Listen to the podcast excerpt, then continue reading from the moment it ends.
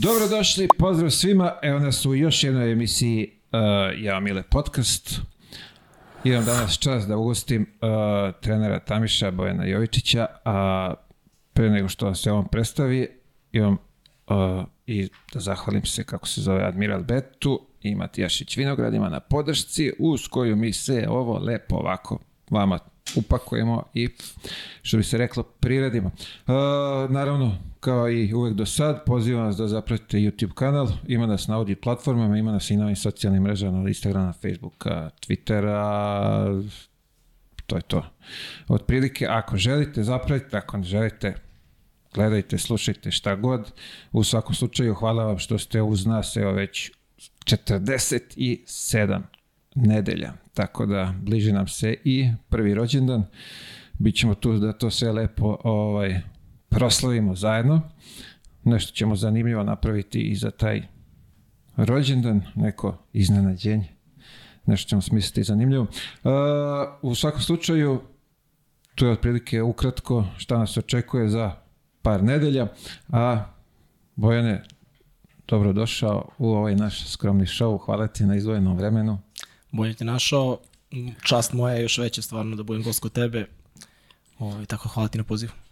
Vidi, uh, tu smo, što bi se reklo, da pričamo o neke teme o, o sportu koji volimo i koji nam je, aj kažemo, mnogo i dao za, za, za ovaj deo života do sada. Sve si dobro rekao. Uh, ovako, sad je pauza za, za KLS ligu, momci su, dao si im slobodno, kako sam ja čuo iz Jesu, izvora. Dobili su tri dana slobodno. Tako je, dobili su svi slobodno. Ovaj, trenizima se vraćaju već za, za, za, za, Od sutra. od sutra, tako je. Ovaj, sad je i, i kup je koraća, pauza je delimična i zbog toga, je tako? Da, zbog toga je prouzrokovana pauza. Da. bravo. 28. se nastavlja liga. Nažalost, vi niste uspjeli da se kvalifikujete za... Ne, mi ne učestvujemo u ovom, u ovom delu u organizaciji ove, Košarkaškog saveza Srbije, ne prijavljujemo se jednostavno više, više pažnje smo se sredili na KLS. Tako da, jer nemamo ni dovoljno roster, ni dovoljno kvalitetnih igrača da bismo mogli da igramo subota, sreda, mislim da bi nam se to dosta odrazilo na, na plasman. A s druge strane, kvalitetom nismo zaslužili da budemo među prve dve ekipe, tako da... I ček, sad, kad si mi to rekao, kako, kako to misliš, ne prijavljujete se? Pa nije obavezno učešće. Kup. U, da, da, da. Znači ti ono, ako hoćeš... Koliko ja znam, tako je, jer da je drugačije mi bi učestvovali. A, bravo, viš, nisam znao to, nisam imao tu informaciju. Ja sam mislio da to mora, ono, kao kup takmičenje, pa... Mislim da ne mora. Pa dobro, da. Pa, vjerovatno bolje znaš od mene, da. Ali, ovaj, kako se zove, uh, kup je, evo, kad budemo emitovali, već će neke utakmice biti, biti odigrane. Uh, kako ti vidiš kup i koje očekivanje tvoje, što šta tu može da se Hoće izdešava? Zvezda učestvovati? Pa za sad su se, ovaj, u stvari nisu još se prijavili ili jesu? Jesu, da, morale. Kad je bilo juče, je znam, bio poslednji, da. Pa vidi, to je. Bilo bi ovaj, malo previše da, da ne učestvuju. Šta je, šta je u Srbiji previše? Ove, ne, šalim se malo, naravno, e, kup kao kup, naravno, pre svega to ime koje, koje nosi je stvarno samo po sebi ogromno. I svako, svakom klubu, svakoj ekipi treba bude čast što učestvuje u jednom takmičenju koje nosi to ime. Ja sam imao čast da igram godinu dana u OK Beogradu i, i, i, i tek sam tamo shvatio veličinu tog imena. Tako da, kažem, pre svega velika čast učestvovati u takvom takmičenju, zato, mislim, sam znaš šta je Kup Kralja u Španiji. Tako je. Ne znam zašto bi mi ovaj, ni podaštavali bilo koje naše takmičenje. A vidim da je moda to, tako da, da, da sami sebe ponižavamo, spuštamo i tako. Tako da, ovaj, što tiče samog takmičenja, mislim, zna se ko su prva dva favorita. Svi jedva čekamo naravno tu utakmicu. A da, ali to je već u polufinalu. Što dalje, što bi se reklo, intencija Nema veze, Da, jedna od te dve ekipe je glavni favorit za, za osvajanje titula, sigurno. Evo večeras je odluka, inače, to je u šest. šta je večeras? U šest donose odluku. A, a to, da. Ok, dobro, znači znaćemo. Znaćemo ovaj, sutra kad se bude emitovala emisija tačno koje, koji su učesnici. Da, Ne, mislim, nema nikakve tu, ne treba už puno pameta da znaš ko dva najveća favorita Partizan Crvena zvezda, mislim, za osvajanje titula. Nijanse će odlučivati ako i u polufinalu, u finalu mislim da ne, ne bi trebalo da bude nikakvih iznenađenja. Ja bih volao da bude neizvesna bilo koja utakmica i kod kogod drugi da bude igrao. Protiv njih naravno priželjkujemo svi ne, neku neizvesnost, ali ono što je realno je to. A pazi, a, kup takmičenja. Ti je toliko ovaj, nezgodno takmičenje za favorite. Ti ne znaš kako će protivnik da odigra tad, misli koliko će ga Naravno. hteti lopta i sve šta će Naravno. izdešavati. Jer ja mislim, a, ako se dobro ne varam, sve što sam osvojio ovde u Srbiji bilo je kroz kup takmičenja. Na jednu utakmicu. Što ABA ligu, što, što kup Radova Korać. Da, da. Či dođeš, nemaš ništa, oni su Nemaš opterećenje, jeste, slažem se. Tako je. Ali mislim da je razlika u kvalitetu ipak, ipak prevelika da Tako bi, je, da, da bi moglo doći do iznenađenja. Sad je već i jaz, da. Ali opet, uh, ako pogledamo s ove druge strane, tu su FNP i Mega, to su aba ligaši. Pa FNP da je ostao u, u prvobitnom sastavu, mislim da bi možda mogao da bude konkurentan na nekoj takmici. Uh, znate kako svakog trenera dva nova igrača na bekovskoj poziciji za 10 dana ti da ih uklopiš, pogotovo stranci. Šone pravi fenomenalan posao već drugu godinu, ali nisi nima Đoničar. Tako je. Ja, druga stvar, ne verujem da su ti igrači kvaliteta Fraser u ovom trenutku. Tako da... Vidjet Ali opet, pazi, ali opet to S druge nosi... strane, Mega, Mega isto ima sjajnog trenera. Parać je sjajan trener. Tek će Apsolutno. biti i oni i Šone, stvarno, i drago mi da su dobri šans. Uh, sigurno će imati šta da pokažu te ekipe, ali pričam da mislim da nije realno da napravi iznenađenja. Sad, ja bih volao da, da, da me demantuje. Pazi, sad ti kažeš, ni kvaliteta frizera. A šta ako oni, pošto ga ne znaju dovoljno, možda poludi tu jednu utakmicu i da upropasti planove. sve Zato ti kažem, kup takmičenje, ti kad igraš uh, u seriji, ti imaš tu se pripremiš, pa odigraš, pa opet skautiraš, Pa pripremiš pa, utakmicu, jest. tako je prilagođa, šta ti odgovara ovde Ne, si. ne, slažem se sve. Ja samo mislim da je, da je razlika u kvalitetu velika da bi, da bi neko, i da su treneri slažem, da. vrhunski na klupama oba kluba i Partizana i Crvene zvezde da bi sebi dozvolili takvu vrstu iznenađenja. Ali kažem, ja bih volao ako bi se to desilo. Nevezano za koga navijam, mislim, tako da. Pazi, makar da bude neizvesno. Ili da bude neizvesno, naravno. Da, da odlučuje Naravno, pa svi imaju interesu da gledaju zanimljive utakmice. Apsolutno. Apsolutno. Uh, polufinale to ako dođe do toga, a pretpostavljam da će doći Partizan Zvezda. Nema, koga nema kao- favorit. Ma Ne. nema favorit. Pa to se- upravo to što ti rekao, jedna utakmica, trenutak nadahnuće. Možda neki igrač ku- totalno iz nekog drugog, trećeg plana, Možda ga radi atmosfera i mala hala. bravo. Tako da, Pošto u areni kao ne, znaš, kao velika je ogromna, Pa a tako se i postaje da- heroj, tako se i postaje ime, znaš. Ta jedna utakmica te izbaci negde u orbitu i kao na osnovu toga igraš sledeće tri godine. Tako. E, ajde da budemo svedoci toga da se to... Pa daj Bože, da se- ja da- kažem, da ja bih voleo, ali mislim da nije realno. E Sad kažem, evo, nek mi demantuju, daj Bože.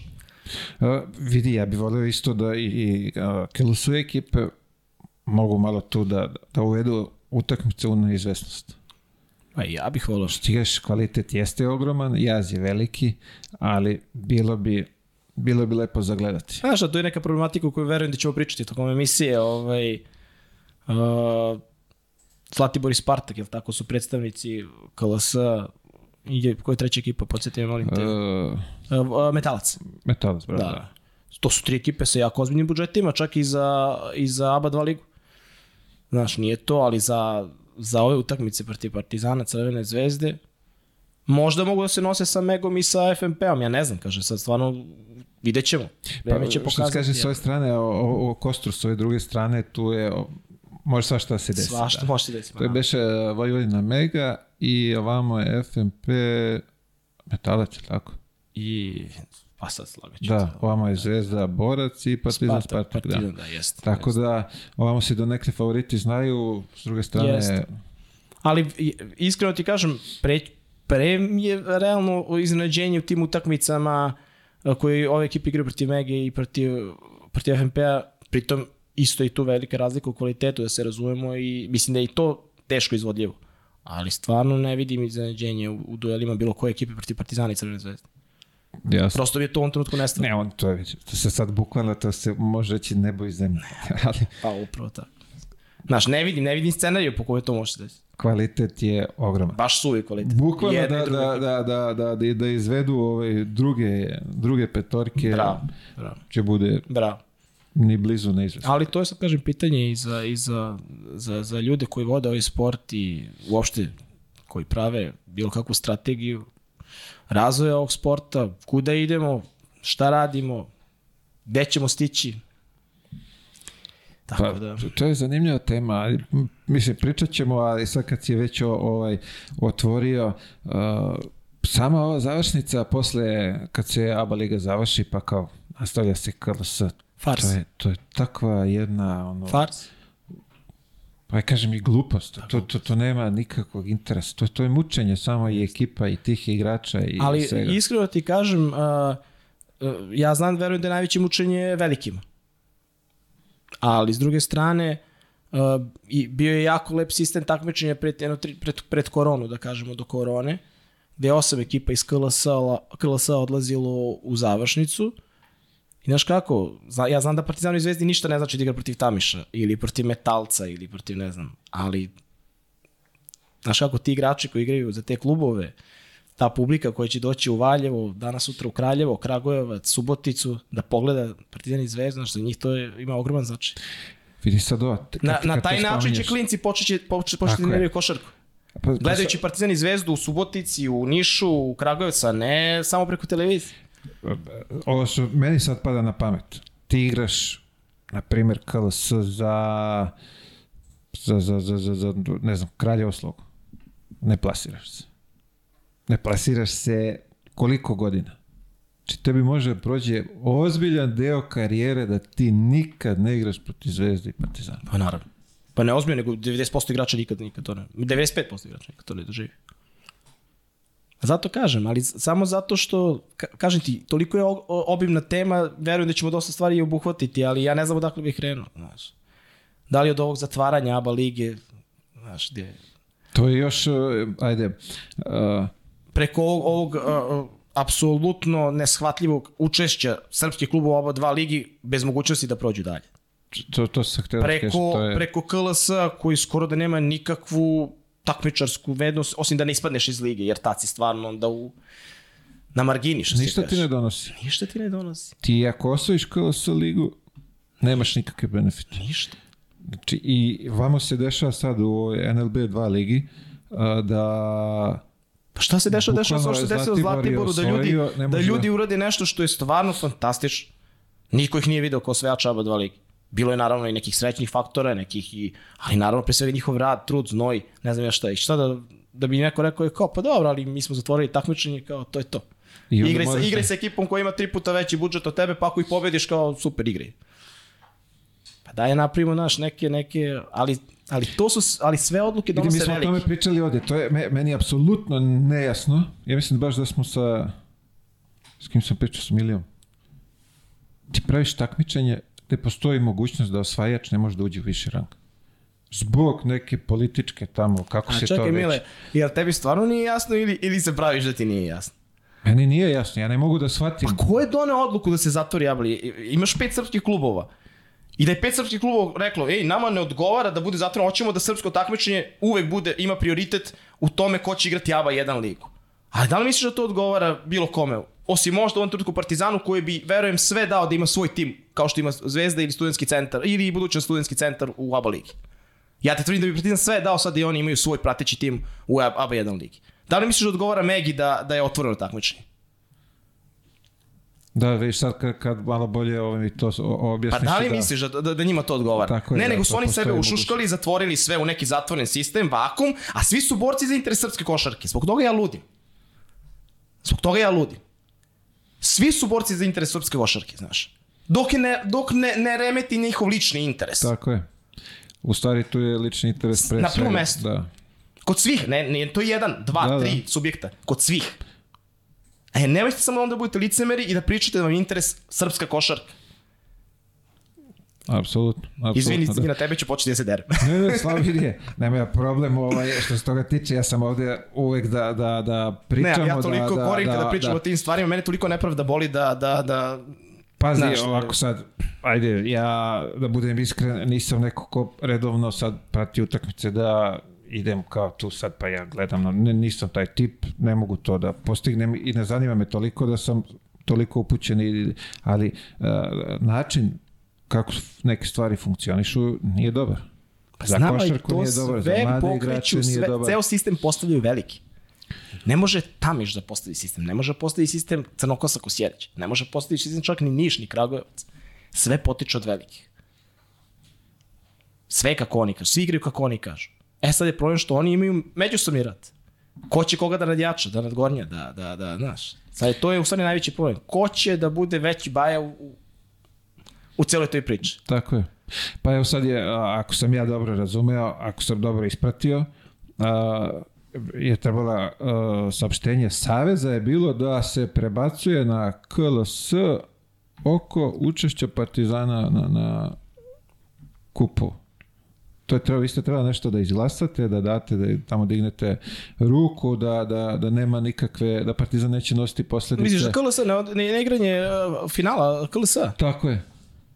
Zar to nije bilo sad na nekom uh, dnevnom redu, što bi se reklo, skupštini, šta je bilo? E, To, to sam uhvatio da je pro, proučeno kroz medije. Nisam, Da se nisam, KSS odgradio nisam od toga. ulazio, nisam ulazio u tu problematiku, glava mi je pukla, veruj mi je, da, da razmišljam o tome.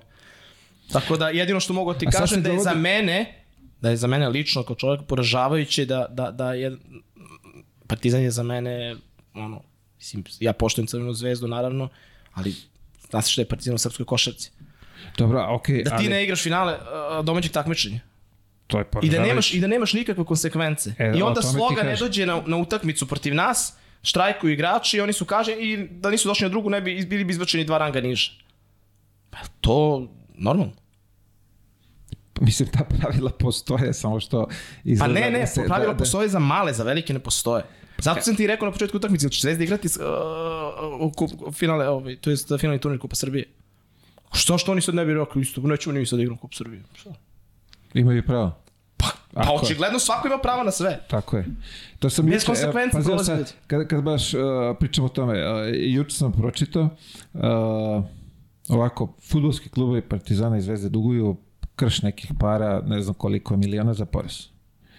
I čovjek je napravio poređenje da preduzetniku, ako u određenom momentu ne plati porez, odmah mu kreću sankcije, kazne, zatvaranje firme, šta. Zašto je Zašto je sad, zašto su ti kao viši interesi sporta? Pa zato ovaj, što, znaš kako, mislim, 2 miliona navijača, 3 miliona navijača s jedne i s druge strane, znaš, treba imati hrabrosti sad baš ti da, da gurneš nakon prstu oko, znaš. Koliko god da, znaš, mislim, nemoj da pričamo sad o nekim stvarima o kojima, znaš, nije to sportska tema baš. Pa nije sportska Tako tema, ali da, sve, ovaj, to mislim, sve kažem, vuče, to je možemo se umreženo, pravimo, to je u... kažem, možemo se pravimo i naivni, i pametni, ovako i onako, ovaj, sve je to umreženo, ali kažem, mislim da, da pravila ta neka osnovna moraju da postoje za sve. Znači, nevezano za to, kažem, ko za koga navija, ko je, ko, ko je čiji pristali, šta, ko, kako, to, to me uopšte ne interesuje. Ali pravila su tu da se poštuju ako pričamo o bilo čemu što treba da bude normalno u nekoj, mislim, bilo kojoj normalnoj zemlji. Znači da, da ekipa jedna odustane od finalne, final, finalnog finalne utakmice, to jest finalne serije a, a, državnog takmičenja. Pa da, da, da li ti misliš da je to negde moguće u, u, u, u Španiji, u Francuskoj? I koje bi bile konsekvence za, za, za, za tako nešto? Pa ja kako sam ukapirao, po nekim tim propozicijama postoje, ovaj, kako se to rešava, koji su Naravno, ali da. treba neko da, da, da, da, da znaš, treba neko da, im, da ima malo i nešto da bi Treba- to rekao, ej, na, pa naravno, pa naravno. E, zato smo tu gde jesmo, zato nam je sport i ovakav i društvo i sve, ovaj, to je to. Pa ne, nije to je samo kod priča, nas, tako, da u celom, znaš, zameraš. tako i u celom regionu, nažalost, ovaj, taj rat je ostavio ogromne posledice, te 90. Urušene porodice, urušeno društvo, urušen, urušen moral. Ja sam odrastao, ja sam 77. godište, ja sam imao 15 godina kad je, kad je, kad je počeo taj rat. Ja se sećam, do 15. godina si svestan mnogih stvari. Znaš, sećam se tog perioda. Znaš kako, dođeš, prođeš, ne postoji komšija u zgradi da, se, da ne kažeš dobar dan. Ti se danas iznenadiš kad ti se dete javi na ulici. Znaš, o moralu, reč je bila svetinja. Obraz, svetinja. Sad, ko koga prevari, ko koga, znaš. Ali nije to, nije to posledica ni sadašnje vlasti, ni prethodne vlasti, nije, nego, kažem, urušeno, urušeno društvo potpuno. I to je teško, teško sad promeniti sve, znaš. Ti sad moraš bukvalno nešto, da dižeš nešto iz temelja. I to ne samo da dižeš, nego prvo trebaš da, da raščistiš sve ono što je srušeno, pa da kreneš da dižeš. Znaš, mislim, To je, mi smo dru, kao društvo u problemu, ne samo mi, ceo svet, pogledaj šta se dešava. Mislim, ovo, je, ovo već postaje tragično. Mislim, ja se bojim samo jednog dana da onaj gore ne pošalje nešto na bum, eksplozija, doviđenja, prijatno, nema vas. Znaš, ovaj svet više nije normalan. Vidi, a to ako se desi, bar će biti bezbolno. Da, 21. vek, brate, ljudi u, u srcu Evrope ratuju, znaš, ubijaju se, bratski, bratski narod se ubija, brate. Kidaju se tamo, za čiji interes? Pa za tuđe, ne Pa za za svoje. tuđe o tome ne ti za svoje, znaš. Šta tako, ti kažem, to ceo svet je uludilo. Da, a da, ti je. da u Srbiji sad bude, znaš, Eldorado, kao, znaš. Ali ove stvari, neke osnovne moraju da se poštuju. Po, to je moje mišljenje. Znaš, zakon mora da se poštuje, pravila moraju da se poštuju. Jer onda, ne, znaš, onda sve, sve ostalo je- postaje Ja besmisleno. sad, pazi, kroz ovu priču, ja uh, dolazim do toga, razmišljam koju sad interes ima bilo ko da drži neku ekipu, da bude vlasnik bilo koje ekipe. Pa nema, da nema, zna da nema, ja stvarno kažem, uh, apolitičan sam totalno. Znači, stvarno, ne, ne interesuje me politika. Ali realno, trenutno, uh, uh, uh, da nije lokalnih samouprava i da nije države da, da, da, da pomažu Zvezda, sport ne bi postao. Ne bi postao, ne postoji, ja u KLS-u ima, imaš dinamik koji, koji, koji je koji je podržan privatno, imaš Spartak koji, koji ima dosta novca uh, s privatne strane, ne znam kakva je situacija u Metalcu, Zlatibor ima dosta sponzora, Mislim da i ovaj, Čačak 94. Čačak tako, 9-4, da. bravo, ali to su 3-4 ekipe. Mislim da je barem od 6 ekipa 10 ili 12 direktno vezano za, za, za gradski budžet. Jer ne bi postojali, ne bi, ne bi postojao sport da nije tako. I zato ja kako vidim, ja vidim to, to je glavni problem zašto je sport u, u, u jer oni svi zavise od tih nekih tamo političara koga Pa, već ko pa donosi moraš, odluke koji im daje lovu i Moraš. onda ćutiš. Moraš, ali, I ali s druge strane, standardna- kažem, uh, znaš, mora se donesti taj zakon o sportu da moraju neke olakšice. Ti si igrao u inostranstvu, znaš kako to tamo funkcioniše, znaš. Ja sam čuo za Tursku kako ide. Imaju obavezu svaka firma da, da, da uz, izabere sport, izabere klub koji će da finansira. Znaš. Tako je. Znaš, odeš u Rumuniju koja ti je skoro ušla u Evropsku uniju, nije skoro, ali ajde, relativno skoro ušla u Evropsku uniju, pogledaš tamo onaj baner, to je 40 sponzora, znaš. To su pune hale, to je ono što je bilo kod nas u staroj Jugoslaviji, dok se nije sve to urušilo, ono što ti pričam sad. Mi u Pančo Profi Color 93. 4. godina, ti ne možeš da uđeš u halu. Ne možeš da, ljudi sede jedni drugima na glavi. Ali znaš kako, i sad tad nije bilo ni 40 sportskih kanala, ni, ni interneta, ni NBA utakmica 15 nedeljno, znaš, mnogo veća, veća ponuda i onda, znaš, ljudi ulenjili su se, znaš. Mnogo im lakše da sednu da pogledaju nešto na televiziji nego da, da ustanu, pomere To je to. Kad imaš sve kući na, na 68 kanala svih sportova, sve utakmice, Šta da on je u halu, Je, tretira sad, ja, zima, da. znaš, kao. A u to vreme nije, imao si dva kanala, znaš, i ono, e, idem, idem u halu, igra ovi moji, znaš, kao. To je, to je. i oni prenose jednu utakmicu nedeljno, Yes. znači jedna se gleda, a ostalo Yes. svi moraju na, Sve ti jasno. na, na terene, da, ali da- vidite, to je ona, uh, u takvom vremenu živimo da ne možemo nešto mnogo da, da ni da promenimo ni da hoćemo, Ne, pa to, o tome ti da, da pričam. Prilagođavaš. prilagodiš tome. Ali i- ponovo, ja ti kažem, uh, sve to u redu, ali neka osnovna pravila moraju da se poštuju. Moraš da imaš pre svega i to, ne, to nešto moralno u sebi da kažeš, ej, čekaj bre, nemoj da urušavam nešto što je, što je moje, što je naše, što je, ne razumeš? Mislim, ovo je državno prvenstvo. To je naša zemlja.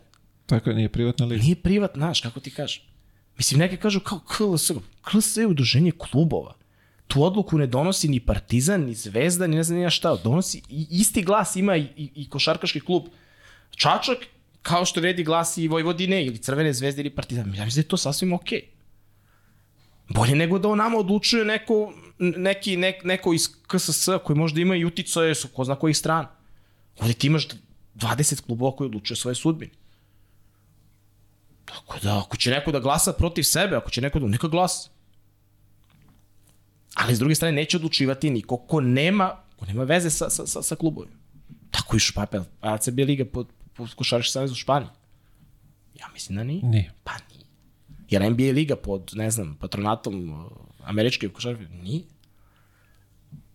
Tako da to je to. Znači, pa, o, zaključak je moramo pravimo privatnu ligu. Pa nije prije, ovo, mislim, ovo je, kažem sada, liga kao liga je okej. Okay. Mislim, stvarno ljudi se svi bore. uh, Evo, pogledajte, ima šest klubova trenutno koji su u grčavite boriti za opstanak. Čak ni, ni ove dve, tri ekipe koji imaju 11 pobjeda nisu teoretski obezbedile teoretski obezbedile. Svi se bore, stvarno. Dovode igrače. Ne, neki, neki ulaze i u neke stvari koje rizične, znaš. Jer uh, sad mogu ti pričam o budžetima, o ne znam nije šta. znaš. Mi nikad u životu nismo, nismo platili igrača, da nismo imali po pokriven. To jest, obećali nešto igrača. Evo, 15 godina smo u KLS-u. Ovaj, mislim da imamo najduži kontinuitet uz metalac kao ekipa koju, već ne računamo ove velike koji igraju Da, da, da, da, oni da. su sad van toga, ali pričamo od ovih, od ovih malih klubova. Sa sigurno najmanjim budžetom u tih 15 godina, ubedljivo u ligi, ono, u kontinuitetu. Znaš koliko, koliko je meni najplaćeniji igrač? 1000 evra. Za 1000 evra mi igra najplaćeniji igrač u, u klubu. Ugovori su mi između 300 i 1000 evra. I ti sa, sa takvom ekipom igraš na jednu loptu proti Partizana, mislim ne pocenjam ja, da, da misliš ja moj igrače najviše volim na svetu, m, pričam mi sa ljudske strane, znači, uopšte ne pocenjam u smislu, nego kažem takvom ekipom, pričam, mislim sa, sa, sa ekipom na, toliko plaćenom, igraš na jednu loptu proti Partizana, proti Zvezde, Znaš, mislim, To je Znaš, to je za mene ogromno. Ja, ja, ja se tek upoznam, ja, ja sebe uvijek, uh, kako ti kažem, uvijek sam onako negde, negde sebe, nikad nisam, znaš, volao da se nešto ističe, da kao, znaš, znaš ja kao, pa levo, desno, znaš. A onda kad vidiš kako se ljudi, znaš, grabe, to, to, to, to. znaš, kako se samo promovišu, samo reklamiraju, Danas ti je marketing znaš, sve. danas ti marketing sve, znaš. Pa čak i, i, i u tom Pa u u tvojoj svemu, branši znaš, što u bi se svemu, rekla, da. sve, Moraš da imaš tu, da. znaš. Ali, ali pritom stvarno ovaj, ne mislim ništa loše za to. Uh, ja bih volao da, da, da, da mi imamo da spoložimo većim budžetom i da, da dovedemo i bolje igrače, da imamo gde smo u tom, toj situaciji kad smo možda malo bliži nekim drugim ekipama finansijski. Ali ti momci koji igraju kao šarkaški klub Tamiš već godinama, to je već nekih 12-13 generacija. Mi skoro svake godine novi tim potpuno pravimo. Ovo je prvi put, ja mislim, posle x godina da smo zadržali pet ili šest igrača u odnosu na prošlu sezonu. To je uvek 9 ili 10 novih igrača. Znaš, svi ti momci koji dođu, shvate o čemu se radi i stvarno se bore stvarno se bore kao, kao da, da je to njihov klub, da, da, da su u svom gradu, ima dosta igrača sa strane, naravno. Ovaj. Iako bih ja najviše volao da, da mi neko pita da imam 12 pančevaca u, u ekipi, znaš. To bi bilo to bi svako voleo u svom Da. gradu, znaš, ali realno, ovaj, A ček sad, kad, već pričamo o tome, uh, je li ima Pančevo još neki klub sem vas? Ima neki futbol, nešto, odbojko, rukomet? Pančevo ima jako dobar sport. Uh, trenutno što se tiče futbala, Železničar je u najozbiljnijoj borbi za, za ulazak u, u, u Superligu. Ok. Železničar Pančevo, jako ozbiljan projekat, isto podržan od strane grada. Rukometni klub je uvek u vrhu prve tri ekipe i ove godine se bore čak i za titulu, malo su sad pali ove posljednje dva kola, znači imamo, imamo jako, jako, jako do, dobar Aha, sport. niste jedini tamo što bi se Imamo rekao. Da. izuzetne o, sportiste u individualnim sportovima, karatiste, tu je Duca Bor- Borković, možda jedan od najboljih vozača u, Bra, u, bra, bra, u, bra. u Srbiji, znaš. O, izuzetne, kažem, takmičari, judiste, ne zaboravit ću nekog da, me, da, da se neko ne uvredi stvarno, ali, ali izuzetno što se tiče sporta. Ne, evo te pitam zbog toga, uh, Pančevo ima ozbiljni preduzetnik. E, to je problem sada. To je Da pitanje, vi ne samo kad im se obratite da neće da izađu u susret nekom donacijom, kako god to. Ja, evo, primjer je po meni, idealan primjer je Zlatibor. Oni, ne- slagaću te koji broj Jeste, oni imaju preko 100, sponzora imaju. preko 100 nekih malih ja, ako sam dobro ukapirao da je uslov od 500 evra pa na gore Jest. svaki mesec Jeste. da Ma ni blizu. doniraš je sistem Ali opštine, evo je pogledaj, mi smo u prvih 10 godina nek, nekog postojanja, nije 10 lažem, od 2004. do 2010. godine, 90% budžeta ne bi bilo, uh, bilo ovaj, uh, smo bili finansirani od sponsora. Od 2010. godine 90% budžeta nas finansira grad. Ali ti sponzori su bili, tad je bila, znaš, uh, rafinerija u državnom vlasništvu, Petrohemija u državnom vlasništvu, bila je Vajfer pi- pivara do koje smo došli, imali sponzorstvo od njih, to je, ona je bila u privatnom vlasništvu, ali smo uspeli sa jednim dobrim ovaj, marketing planom da, da, da ih ubedimo da nas sponzorišu i mi smo tada i ušli, ušli u KLS. I onda, ovaj, posle toga, kada su sva ta preduzeća privatizovana, više niko, znaš, niko, kog može natera bilo Da, da, koga da. u nisu da finansira, da finansira To se košarkaški isto klub. desilo i sa Hemofarm. Isto i sa Hemofarm. Ti sad imaš dve jake, dve jake nemačke firme u, u, u Pančevu, nikom ne pada na pamet još uvek da, da, da ulaže u sport. Znači imaš CTF i imaš Brose. Znaš, ozbiljne dve firme.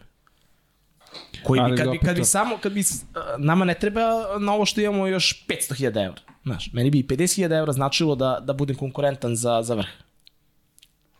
A to je, opet, I o čemu mi pričamo, čoveče, u... Eto, više O pričam. čemu mi pričamo? To je za pet kompanija tamo da izdvoje za, za neki Razumeš? koji oni daju na neki marketing tamo. Verovatno svaka firma Sve ti daje za jasno. neki marketing da može i da odvoji za, Sve za to. jasno. Samo što nema razumevanja. Ali verujem da bi se to nekim zakonom novim moglo da se to sve Pa lepo ja uredi. ne znam, kažem, nisam, sad, nisam u toj branši, ne mogu da, da, ali sigurno, kažem, treba vidjeti kako funkcioniš to u, u, u, ostalom, u statku Evrope, mislim, kako se ti klubovi finansiraju, šta, šta u se to Italiji, dešava. što, u Italiji, koliko, koliko sam obavešten, ali u ovim nižim ligama, ne ovo serija i ova košarka, ja mislim tamo druga, treća liga, da sponzori daju i to im ide olakšica na, na porez, na Pa, eto. kako to već ide, da. Pa eto. To funkcioniše tamo za sad. Pa kažem ti, čuo sam za Tursku, kažem da, da, da imaju obavezu da, da, da, da, da sponzorišu sport. E sad kažem, na koji način obavezu, da li su isto te poreske olakšice ili jednostavno ono, naredba, to ne znam stvarno, mislim. Nisam se bavio tom problematikom. Koliko znam kod nas za sad funkcioniše sve na principu, po principu naredbi. Pa, ne znam, kažem ponovo, ovaj, mi stvarno ne mogu da greši dušu, kažem, uh, apsolutno uh, od 2010. godine ovaj, smo finansirani od, od, od strane grada, prepoznati smo kao neko ko, ko stvarno, i mislim da nema razloga da ne budem. Mislim da, da ovo što mi što smo mi uradili za ovih 15 godina, mislim da je, ne mogu, ne znam da li postoji pet klubova takvih. Znaš, ti da, da radiš nešto 15 godina i da nikom ništa nisi dužan. Da nikom ništa nikad nisi zakasnio da si svakog ispoštovao, ne, ne mislim samo na igrače, trenere, uh, saradnike, uh, stanovi, hrana, prevoz, ne znam nija šta, znaš. To ne postoji čak i u Partizanu, ja mislim da i oni kasne, znaš, sa parama nekad. Ja mislim kasno, kasno poprilično svi. A na sve to, znaš kako smo mogli da radimo? Aha, u vrhu sad fali mi dve pobede da budem treći. Daj, sad ću zove Mileta. Mile, hoćeš, evo ti 10 soma za dva meseca. I ja uđem 10 soma, dam ti, ali sam dužan za sledeću godinu, znaš, u manjku sam 10 i kaže sad nemam. Sad sam dužan 20, 30, A 50, po tome ne 70. dobiješ ništa tim što ćeš Ništa ne dobiješ tim. Znači nemaš... I to ljudi ne, ne, ne znam, e, da ima ti neka sad, mislim da- raspodela sredstava u KLS-u nešto da vam oni to E, po postoji sad, postoji, ne, ne, ne, postoji po plasmanu, ali sad postoji, e, došlo je pa nekih sponzora, mislim da, da, su, da postoje neke olakšice oko suđenja i plaća, plaćaju se neki troškovi, znači nisu, ni- nisu baš ne, beznačajne sredstva. Znači i to u klubovima, pretpostavljam, ovaj, sad slagaćete koji, koji, koja Jasno. cifra u pitanju, ali, ali postoje, malo se tu pomerilo s mrtve tačke. Admiral Bet je sponsor, ovaj, ima neka, neka cifra koja je, ok, nije na nivou naravno ABA lige, ni ne može da bude, jer, Jasno, jer jasno. realno marketinški nije, nije isto, ali ovaj, mislim da, da klubovi imaju neke koristi sada od toga. Pa ajde vidjet ćemo, nek se pomeri nešto sa Jeste. mesta, nek krene na, na, pa ćemo, ovaj, tu smo da pratimo. Koji su, šta su očekivanja, koji su planovi Tamiša za, za ovu sezonu? Pa Znaš kako, Ste mi... sad na sredini tabele, Da, tako? nama je uvijek primarni cilj neki siguran opstanak, znaš. Jer ako imaš, kažem ti, najmanji budžet u ligi ili dva, među dva najmanja, znaš, ne možeš ti da pričaš o prvom mestu. Ali s druge strane, ti znaš s Miljom, mislim, može da pričaš s njim. Oni imaju pritisak o, kao da igraju za Partizan ili Zvezdu. Svaka utakmica. Proti nama je svaki poraz uh, tragedija. Nema veze da li si izgubio od Partizana, Zvezde ili od... Uh, tako smo jednostavno... Znaš, ja sam lud što se toga tiče. Ja uopšte nisam lak uh, za, za, za saradnju. Znaš, kad je utakmica, ja ne znam, ni- nikom je brat, ni, ni brat, ni mama, ni tata, ni igrač, ni... Znaš, ja samo da pobedim. Pre neki dan sam rasplakao dete svoje, znaš, igrali smo Sony zajedno, ono, znaš, online, ono, kao, znaš, gubimo i nešto, i, i ja krenem da se dernjam na njega, te ti počeo plače, žena ulazi u sobu, znaš, nabada me. si normalan, kao, znaš, neko raz- razume me, aj, mislim, pošto je ovaj mađi, znaš, on je isto tako u nekom, mom, mom fazonu, sportista, znaš, kao, ništa, on briše suze, ono, znaš, kao, nastavljamo dalje, dalje. kao, idemo dalje, znaš, kao. Nema predaje. Znači ja sam bolestan što se toga tiče. Tako da moji igrači su po- pod, pod istim pritiskom kao igrači u Partizanu i Zvezdi. To, to, ti, to ti sad kažeš. To nema šta. A sad me zanima ovo, a, ti ulaziš u ligu i tebi je cilj, eto, tu si neka sredina, daj da ne ispadnemo, a gore... Ako Pa nije mi li cilj, znaš, ti, ti od toga, kako ti kažem, ti od toga živiš, mislim, uh, ti predstavljaš svoj grad. Uh, A Meni je jasno, da, ali ja, ja Ne ako možeš nešto ti da hoću imaš- da radim, hoću, hoću budem najbolji u tome. pa i mi, mi jesmo najbolji u onome što radimo u odnosu na Ali ono što si, je... ali si limitiran sredstvima. Pa limitiran si, pa ne mogu ja to promenim, znaš.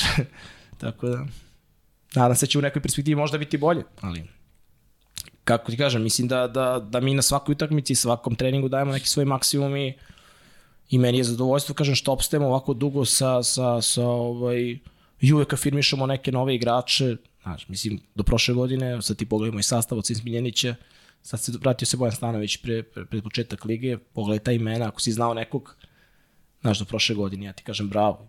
Jer ja šestoricu koji su mi došli nisam vidio u očima nikad. To je znam samo smilju, tako ćemo iskreno. Pa sad ti kažem, znaš. Ali su svi ti momci sada, znaš, uh, sledeće godine, bar trojice četvorice njih će, će imati mnogo veći ugovor. I bit će interesovanja od nekih možda i ozbiljnih klubova, znaš. Kako ti meni- sad, ka- kad imaš tako limitiran budžet, kako ti nagovoriti nekog iole malo talentovan da dođe kod teme, a ne da ide... Pa ne dolaze kod, lupam- kod nas i ole talentovani, uh, zato što ih nema previše, a ti koji, kojih ima, zna se desu, mislim, znaš, to je Partizan Zvezda, Mega, ako nije Mega, onda je OKK Beograd, jer su oni, naravno, filijala ovaj, Megina, ako nije, bio je Dunav sad za Partizan, ne znam, znaš, ti ne možeš doći do, do, do igrača koji će pravi razliku. Mi smo bili u saradnji sa Zvezdom dve godine, tu smo imali dva, po, po dva igrača ovaj, koje smo dobijali od njih i nadam se da smo i mi njima pomogli, oni su nama pomogli u smislu da da su nam omogućili da imamo besplatno igrače, faktički na taj budžet koji mi imamo dobili smo dva talentovana mlada igrača. Ove, znaš kako, samo što su nerealne očekivanja. Ti sad očekuješ da od momka koliko god da je talentovan do 18 godina dođe i sad on kao da bude glavni u, u KL, pa to je nemoguće. Osim ako nije Dončić ili ne znam, yes. naš, mislim. Ako je Dončić, onda neće biti tu. Pa onda već, nije je. tu uopšte, Tako onda, onda on već igra, znaš, mislim. Uh, na druge godine Pavićević, na primjer, ovaj mali što je sad u FNP-u, Marko, on mi je bio među dva najbolji igrača druge sezone, znaš, dva, tri najbolji igrača. Ali opet vidiš, druge sezone. Znači, nije Da, nije, prvi. ne može, pa ne može. Znači, Pa ne mora može. da prođe, Mora da prođe. period, vreme da... Pa naravno, pa naravno. I da je na mali Manoriđe mi je bio druge godine, on bi isto bio među dva, tri najbolji igrača, razumeš? Tako da, da to je to, znaš, neki proces. Ali problem, uh, najveće što za taj novac koji, koji, koji imamo, uglavnom ti dolaze igrači iz nekih manjih sredina sa dosta loše taktičke obučenje. Ja, na primjer, na početku svake sezone imam bar 50% tima koji ne zna šta je strana pomoć. Znaš, ti se trebaš za nekog sa sa 20, 22, 23, 21, 19 godina da učiš šta je strana pomoć, ali nije to lekcija koja se savlada za, za jedan dan, znaš, Da, to, da. to je automatizam, znaš, to je proces. To je izuzetno zahtevno. E, onda sam ja Treba sebe... sa- imati živce za to. Tre, strpljenje. ja ih više nemam, znaš.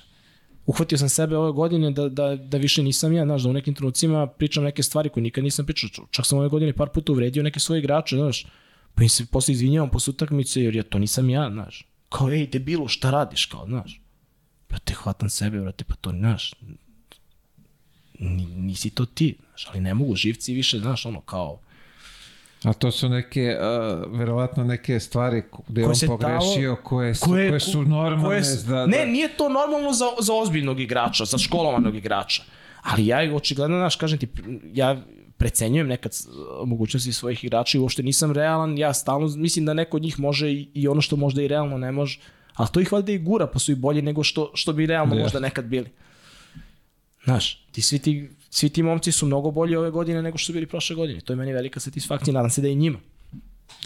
Pa neka, o, što bi rekli, ovaj, istraživanje kad si po, pod pritiskom brže kapiraš, brže radiš neke stvari. Pa I to očigledno. je i veći napredak. Očigledno. Jer se očekuje, kao i svaki test, i kad imaš u školi imaš test na vreme, ali tako Da. kada ne zvoni, počnete i zvoni za kraj i završi. Tako Ali zato ti ovde. kažem, nevezano za to, za to mi sad pričamo o nekom novcu, količina novac je najmanje važan. Meni je suština poš, poverenje, poštenje, znaš. Ako si ti dogovorio sa mnom i za 5000 dinara, to znači da si ti zadovoljan, a to je ono što ja mogu da ti dam. Ali ja očekujem da ti za te- tih 5000 dinara igraš isto kao što ova igra za 5000 eura. Iako je to velika, ra- jer to je tvoja trenutna vrednost. Ti sad pokaži na terenu, pokaži na treninzima, pokaži na utakmicama da ti vrediš 5000. Uzmi ih sledeće godine. Tako je. Niko ti neće braniti. Ja, ja, ja ću biti srećan. Ja sam presrećan kad bilo koji moj... Evo sad, ja sam imao situaciju u karijeri pre jedno 7 godina da mi dođe igrač koji je već igrao kod mene. Neće da nije važno imenima. Kraj avgusta meseca i zove me ovaj, Bojan Tanjević. Kod njega je bio igrač. Kaže, slušaj, Boki, kaže, sve mi je jasno, znam sve, ali, kaže, pojavila se ponuda za tog igrača. Kaže, ja sam slao njegove, ono, njegov CV svuda i kaže, jave se iz Gruzije 5000 dolara. Znači. 5000 dolara. On 5000 dolara nije zaradio, mislim, za 3-4 godine svoje karijere, ono, ukupno. Kaže, ja znam da, znaš, da, da kaže, ako ga ne pustiš, nemo šta ti ja kažem, ali to je moje da ti, da ti kažem, pa ti, ja pričam sa Darkom, sa, sa predsjednikom, šta da radimo, kako da radimo, znaš, ne mogu da nađem beka, ja sam jedva njega doveo za taj novac koji imamo, znajući da će mi on ipak praviti neku, Da, da, da, bilo da. kakvu razliku, ba ti ispašćemo iz lige, razumeš? Znači ti ne možeš da dovedeš u tom trenutku sad za te pare ko, ko, za koje on igra novog igrača. A s druge strane kažemo, čekaj bre, ali, znaš, ne mogu, ne mogu da mu, da mu, da mu uskratim da čovek sad zaradi. Da uzme neki dinar, da. I sad slušajte ovo. Mi njega pustimo. I on dođe u januaru mesecu, tamo dobije otkaz, ne znam nija šta. I ponaša se, ponaša se, kao, znaš, to, kaže Bojanović, da, da ne, treba vam, borbi se neko iz opštine, ponaša se kao da je on nama nešto pomogao, omogućio, ne znam nija šta. I posle jedno mesec dana samo smo se hvalili, druže, iako smo i sarađivali i sve, i znamo se, i ne, nemoj više se javljaš, nemoj da postojiš više za nas, razumeš? Znači, toliko te neke stvari, ne, neke stvari povrede sa, sa, sa ljudske strane. I, I sada mi se pojavi, isto, evo, ti se, da, da mi sad neko dođe i kaže, ej, ovaj tvoj igrač je interesantan, ne znam, Partizanu, Zvezdi, bilo kome, Megi, FNP-u, ne znam nija šta je, ili nekoj inostavnoj ekipi da je to neki više nivo, hoćeš da ga pustiš. Jedino ako nisam baš ono ugrožen toliko da, da, da, da, da, da, da stvarno bi ugrozio sebe, egzistenciju kluba, ne znam nija šta, ali na, na keca pušta. E, postoji dalje pravilo da u slučaju prelaska u neki klub od u Srbiji ima ona nadoknada finansijska za klubove? Pa za te mlađe igrače ima, ima, ima pravilnik, tačno se zna koliko šta, to su neke simbolične cifre stvarno. Mislim, i niko se ni ne isplati, veri mi, da, da, da, da bilo šta radi i da ulaže u to da, za, za, za, za taj novac koji možeš da dobiš. Mislim, znaš. Pre je bilo u za- moje, što bi reklo, u moje vreme pre je bilo neko obeštećenje, Da, pa za da. neke te prelaske. E sad ima tačno, tačno po pravilniku koliko je, a za ove seniorske igrače sve zavisi od dogovora kluba, znaš, mislim, kako, da li negde stave ugovor, negde, mislim, može, kažem, ako igrač nema predviđeno ugovorom, onda pretpostavljam to je stvar dogovora, tako da. Mislim, sad, sad razmišljam, i s tvoje strane nezgodno je uh, i da ga zadržiš, jer ne možeš da mu daš ta sredstva koja će dobiti na drugom mestu, a šteta je da ga ne pustiš da proba Jest, nešto, jest. nešto bolje, Jest. kvalitetnije, kako kažem, god. Mika, pa mi smo imali uh, Ig- Igor Kesar je bio, bio kod mene, on sad igra u Temešoru. Ovaj dečko je došao iz, iz Vrnjačke banje na probu. Bio u slogi i nikoga nije prepoznao tamo, stvarno, ovaj, doći dečko kod mene, znači nestvarna fizikalija, radna etika na visokom nivou, neobučen totalno taktički na nivou kadeta, ali, znaš, ono, sirov, sirov materijal. I ono odigra stvarno te godine, to nam je bila druga Superliga, uđemo u četiri. Ono bude jedan od najboljih igrača, ne znam ja šta je, zove ga Igo Kea, on ima da dve, ugo, da dve godine ugovor. Mi smo ga pustili, ja sam mogu da ga ne pustim. I to je imao ugovor, ne znam, prve godine igrao za 60.000 dinara, druge za 80.000. Da ja da nađem igrača njegovog kvaliteta za 80.000 dinara. Mi smo njega pustili, brate, znaš. Dobili smo obeštećenje, ali, ali nema veze, ja sam mogu da ga, da, da ga ne Jasno, pustim. Nije jasno. bilo ugovor da ja moram da ga pustim uz Da, obeštećenje. da, da, da, da. Znači nikome stvarno nikad nismo stajali na putu ako, ako ima mogućnost da, da, da, da napredu ili nekog ucenjivali ili bilo šta, stvarno nikad. Ja kažem sad nekim igračima koji potpisuju na 3-4 godine ako su, ako su mladi. Sine, ti posle prve godine nemaš nikakvu obavezu pre- prema meni. Ako ti ne budeš zadovoljan ovde, to znači da ni ja nisam zadovoljan, zadovoljan to. Niti ću ti tražiti obeštećenje, niti ću te ucenjivati, niti bilo šta. Znači jednostavno si slobodan. Tražiš drugu sredinu gde ćeš se bolje snaći gde. Naravno, ne prija svaki trener svakom, ne prija ni, znaš, ne može svako da se uklupi u, u sve. Mada ja kažem uvek da je dobar igrač onaj koji, koji može, Može. svuda da funkcioniše, znaš. A ti su malo... Ovaj, A ti su baš malo skuplji. Malo kvalitetniji i skuplji su, da. Da, ali kažem, stvarno nikad nismo stajali na putu ni jednom igraču, u smislu iako je zadovoljan, ako nije zadovoljan, osim ako mi tog igrača nismo nečim zadužili, a on hoće kao da, da ode, pa čisto tek da ode, znaš, pa ne možeš, majstor. Pa Da. ako si ti ovde napravio ime, dobio neku vrednost, ne znam ja šta i sad kao, znaš, ja pa kao, znaš, možda bio, pa sačekaj, mislim, znaš. E, Imamo druga je stvar, kaže, ne, druga je stvar ako te traži neko veliki. Pa, znaš, ali da odeš kao u neku drugu ekipu, kao iz KLS, si kao, znaš, pa, ma nemoj. Znaš, mislim, tako da, da, ovaj, to je to. Ja kako sam uh, primetio, mnogi ovaj uh, mnogi se odlučuju sad i za te neke, ajde kažemo, uslovno manje pare da odu u Mađarsku, Rumuniju, šta tu ima, Ma Ma Makedonija. Ne, Mađarska i Rumunija su sad ozbiljno, ozbiljan novac u pitanju. Ovaj, pretpostavljam da su to ove zemlje okolne. O, Bosna, Crna Gora, Slovačka, ovaj, tu su neki ugovori koji su možda i oko između 1000 i po i 2000. Da samo da ne možemo ljudi- zadržimo taj, te, te momke u Srbiji da ta liga dobije na nekom malo boljem kvalitetu već. Pa možemo, ali kažem ti, znaš, redko koji klub ima, ima baš u... I ono, to je pitanje ovih stranaca o kojim sam ja već, već pričao, znaš, mnogo, su- mnogo naši igrači trže cenu, a bez, bez nekog ozbiljnog pokrića. Pričamo o ovim prosečnim, ne pričamo o vrhunskim igračima, naravno. Pa pogledaj Partizan, naš, pogledaj koliko igrača naših igra u inostranstvu, a nisu Partizanu i Zvezdi.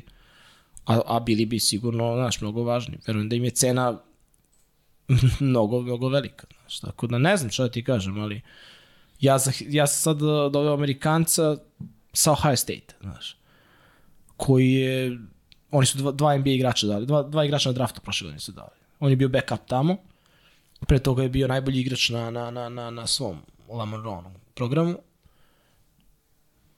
Znači, ja ne mogu tako igrača navedem za, za, za 1000 dolara da- našeg. Čovek koji ima, znaš, imaš 20 pojena u rukama.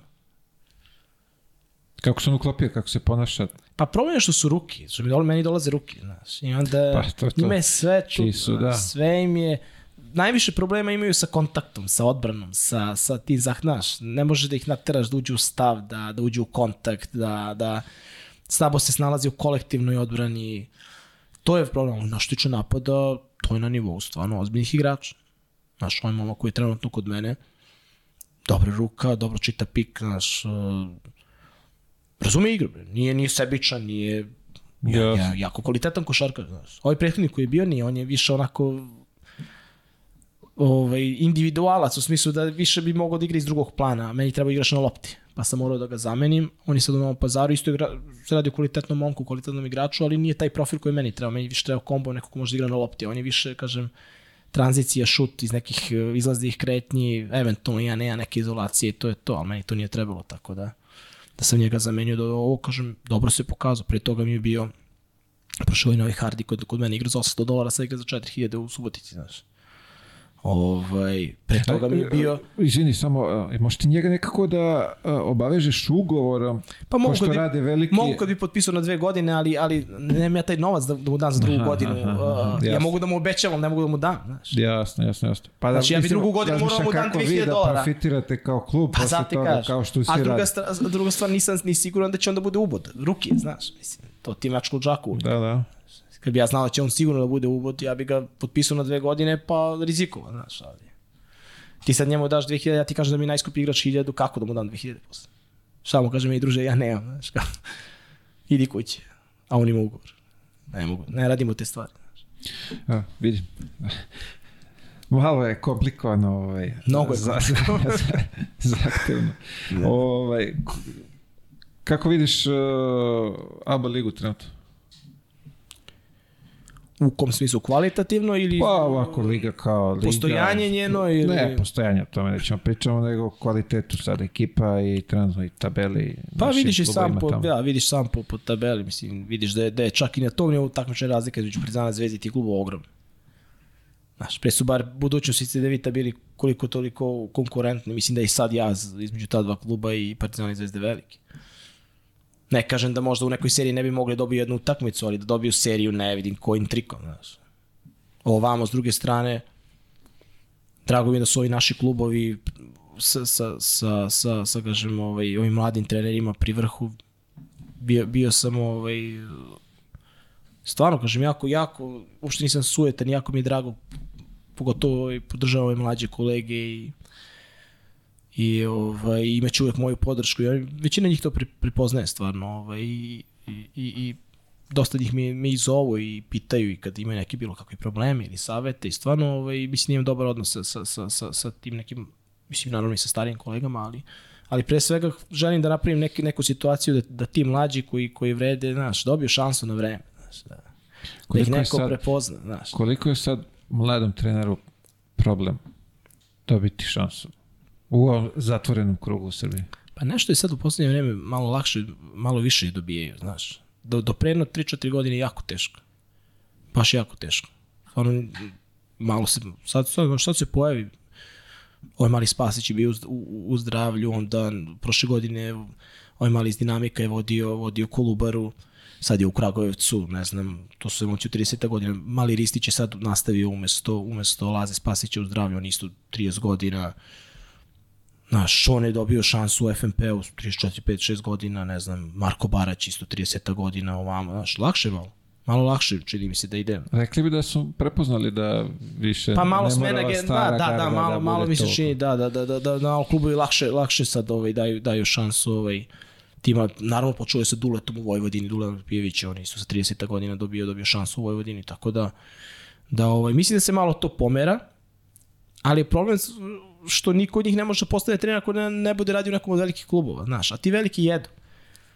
Ja Pa evo, nisam, ja primjer. nisam imao, imao, protiv Duleta sam igrao, protiv Baraća sam igrao, protiv Šonet, ajde Šonet i bio kod mene igrač i sve, znam, znam da i, znam i njihove kvalitete sve, ali nisam imao situaciju da vodim tim protiv Vlade Jovanovića koji je vodio zvezdu, ali sigurno se radi o kvalitetnom treneru čim je dobio ovaj, tu vrstu šanse, ali jednostavno, znaš, nemaju ljudi strpljenja. Sve što se novo pojavi, znaš, ti ove društvene mreže te jedu. A, a, a koliko god hoćeš da si, da, da si izolovan, to je jednostavno, to je, to je ogroman broj navijača, znaš. Pljunući te jedan, pljunući te drugi, pljunući te treći, jedan će da izgovori laž, drugi će da izgovori laž, treći da izgovori laž i onda to postaje istina, znaš. I ti onda ulaziš u paranoju, ulaziš u psihološki problem, znaš, gubiš autoritet kod igrača. Mislim da je to osnovni problem. Ne mislim ja da, da oni u nekom kontinuitetu kad bi dobili šansu na dve, tri godine ne bi, ne bi pravili ozbiljne rezultate. Mislim da imaju svi kapacitet za, za neke ozbiljne karijere. Pa evo samo po, Znaš, ne, mož, ne mogu ti sistemi, ne mogu da ih istrpe. Jednostavno je zbog pritiska To je to. navijača. To je to. Veliki pritisak navijača, pa evo samo pogledaj od smene Duleta u Partizanu koliko se ovaj Te- trenera promenilo, pa koliko se u Zvezdi trenera promenilo, znaš, sad i Ivanovića tri meseca. A čekaj je- Mile, zamisli da je bilo koji trener osim Željka imao sezonu kao Partizan prošle godine. Da li bi se to smaš, smatralo kao uspešna, uspešna sezona? Ja mislim da ne bi dočekao polusezon. Bravo. Bravo. Ali evo Željko, pogledaj je Željko. Najbolji trener u A Evropi. to je to. Ali Kad zato što Željko ime. ima ime i Tako neko je. će da ga istrpi, Kad znaš. imaš ime i trofeje iza sebe, onda ćutiš, trpiš Jeste. i kažeš što je Željko, bit će Pa dobro. naravno, bit će dobro. Pa A naravno. s ovim mladima, kao je, sine, Ne, jasno, ja ovaj, bojim se, ja ovaj će, znaš, ne pipaj. razguli dalje, Pazi, ja, da, ja da nisam u klubu u kome jesam, gde me ljudi ne znaju, gde ne znaju moj kapacitet, ne znam šta sam uradio do sada. Znaš, ja sam prošle godine imao osam vezanih poraza. Pritom pola ekipe nemam. Korona, povrede, bolesti, gubimo pet utakmica na jednu loptu. Znate, ja bi bio bivši u 90% klubova. Ali znaš ti da s tom ekipom uh, uh, Anonimusa od prošle godine, ja u drugom delu kad smo se kompletirali vezujem uh, 11 pobjeda u 14 kola. 8, 8 vezanih pobjeda imamo u posljednjih 8 kola i situacija da imamo 4 pobjede budemo šesti na kraju lige imamo 15-15 skor. Ali kažem, sam bilo u kom drugom klubu bio neko bi na, ne, ne osam poraza, nego na četvrtom bi već Pa, rekao, je, druže, ti si, Treći ti već si ozbiljno bivši, razumeš? Ti si bivši. Na trećem se saziva ovaj, ako ima odbor, skupština, šta već. mislim, A s druge strane, i ti pogledaš krajnji rezultat, taj naš krajnji rezultat prošle godine i pored svih tih problema koji je daleko iznad onog što smo mi imali kao tim. Znaš. Tako da zato ti kažem, znaš, ne, neko treba, ali s druge strane razumijem i te ljude koji vode klubu. I ja isto sam, pa ne možeš ti da trpiš taj pritisak javnosti da, da, da, da veruješ u nekom, a da to nema odmah rezultata. Jednostavno, tako je vreme. Sve se traži odmah, sve je instant, sve je... Sve A u tom na- poslu treba kontinuitet, kontinuitet, i podrška. ozbiljan kontinuitet I to kakva podrška. podrška. Jeste. Pa zato kažem, zato sve ovo što pričam i o srpskoj košarci i o mladim igračima, pre svega želim zaštitim mlade trenere. Da, da, da kažem ljudima da, da su možda oni u najvećem problemu. Znaš, treneri da su najveći. Znaš, ti igra- taj igrač koji, koji će- može i dobije otkaz i ne znam i da odigra loše sezone, on će uvek naći, na, naći klub. Znaš, ali mladi trener ako, ako Znaš, jedan, Da, imaš vuče, 12 vuče igrača. za sobom, kao je, Vuče za dobio sobom. otkaz Jest, tamo, dobro, otkaz jest. ovamo, znaš, nije to. ovo, nije ono i Upravo to. Upravo to. Tako da, ovaj, eto, to će biti neka moja misija u narednom periodu, stvarno da, da, da se borim za te ljude, da, da, da, da, znaš, najlakše optužiti nekom, ne da, kao, ej, kao ne daju ša, ovaj ne, ne sme da dam, ali, ej, Mile, znaš ko je igrao za Partizan uh, 89. 88. momci od 18, 19, 20 godina, uh, 92. osvojili titul, pa ti rekao Sinđe koji je bio prošle godine? tako je da, nešto 20, 22, 21, 23. tako je da. Ali ljudi, to je bilo drugo vreme. Znaš, to je bilo drugo vreme, nije više to vreme. Mi prvo moramo da, da, da promenimo percepciju o tome šta je mlad igrač. Meni je mlad igrač, igrač koji ima 23, 4, 2 godine, 5 čak. To su sve meni, i dalje, to, to su igrači koji mogu da igraju još 10 godina. Zbog čega mi otpisujemo igrača od 22, 3 godine, 21, da je ne, znaš, ako odmah nije Luka Dončić ili ne znam ja šta. Pa pogledaj, pogledaj Savanović. takvih ima Pa mnogo. pogledaj Savanović i Micov kojim su putem oni išli. Tako, Pa su obilazni. postali, pa su postali vrhunski igrači. A mnogi su ih otpisali bili. Znaš, pogledaj Mali Avramović koji je u Partizanu sad kapiten. Pa ja sam vodio utakmicu, on bio backup playmaker u OKK Beogradu. Vratio se u Čačak, nisu ga, u Čačku ga nisu hteli. Onda se vrati posle te sezone u Čačak, prepozna ga Rašku, da mu ono, što se kaže, ključeve u ruke, momak imao 30 pojena prosjek u ligi, ode i direktno u Španiju. I zaobilaznim putem ovoga kapiten Partizan. Znaš, zbog čega se mi odričamo nekih igrača koji, koji od- možda nisu od, možda će kasnije sazreti. A to je to, opet, tu se vraćamo na pritisak javnosti. Či ti, pogotovo u velike zvezdi Partizana, ako nisi, to ako ti odmah ne, ne, ne, ne, ne, ne vodiš igru, nisi glavni bajan na terenu, ah, a ovaj mali, kao, nema njega ništa. I poje, pojedeš te, za, za, za mesec dana ti si već na klupi, posle te čeka neka tamo. Ma jeste, ali, ali svi prebacuju odgovornost na, a, a, sa sebe na drugi. Zašto, zašto, zašto ja sam u jednom drugu potegnu, pri, potegnu priču o mladih igrača? Zato što ljudi koji nemaju apsolutno nikakve veze skoro sa tim, znači, a, komentarišu sistem takmičenja KLS, ko bi trebao kome da da šansu, kako bi trebala da izgleda liga. Alo, Košarkaška liga Srbije je profesionalna liga. Ja sam profesionalan klub, ja mislim, košarkaška liga je profesionalni klub, jer imam, imamo na platnom spisku barem 30 ljudi, razumeš? Isto tako i Čačak, isto tako i Zlatibor, isto tako i Vojvodina. To je, od toga živim. Ja od toga žive ti ljudi, od toga žive ti igrači, ne znam nije šta.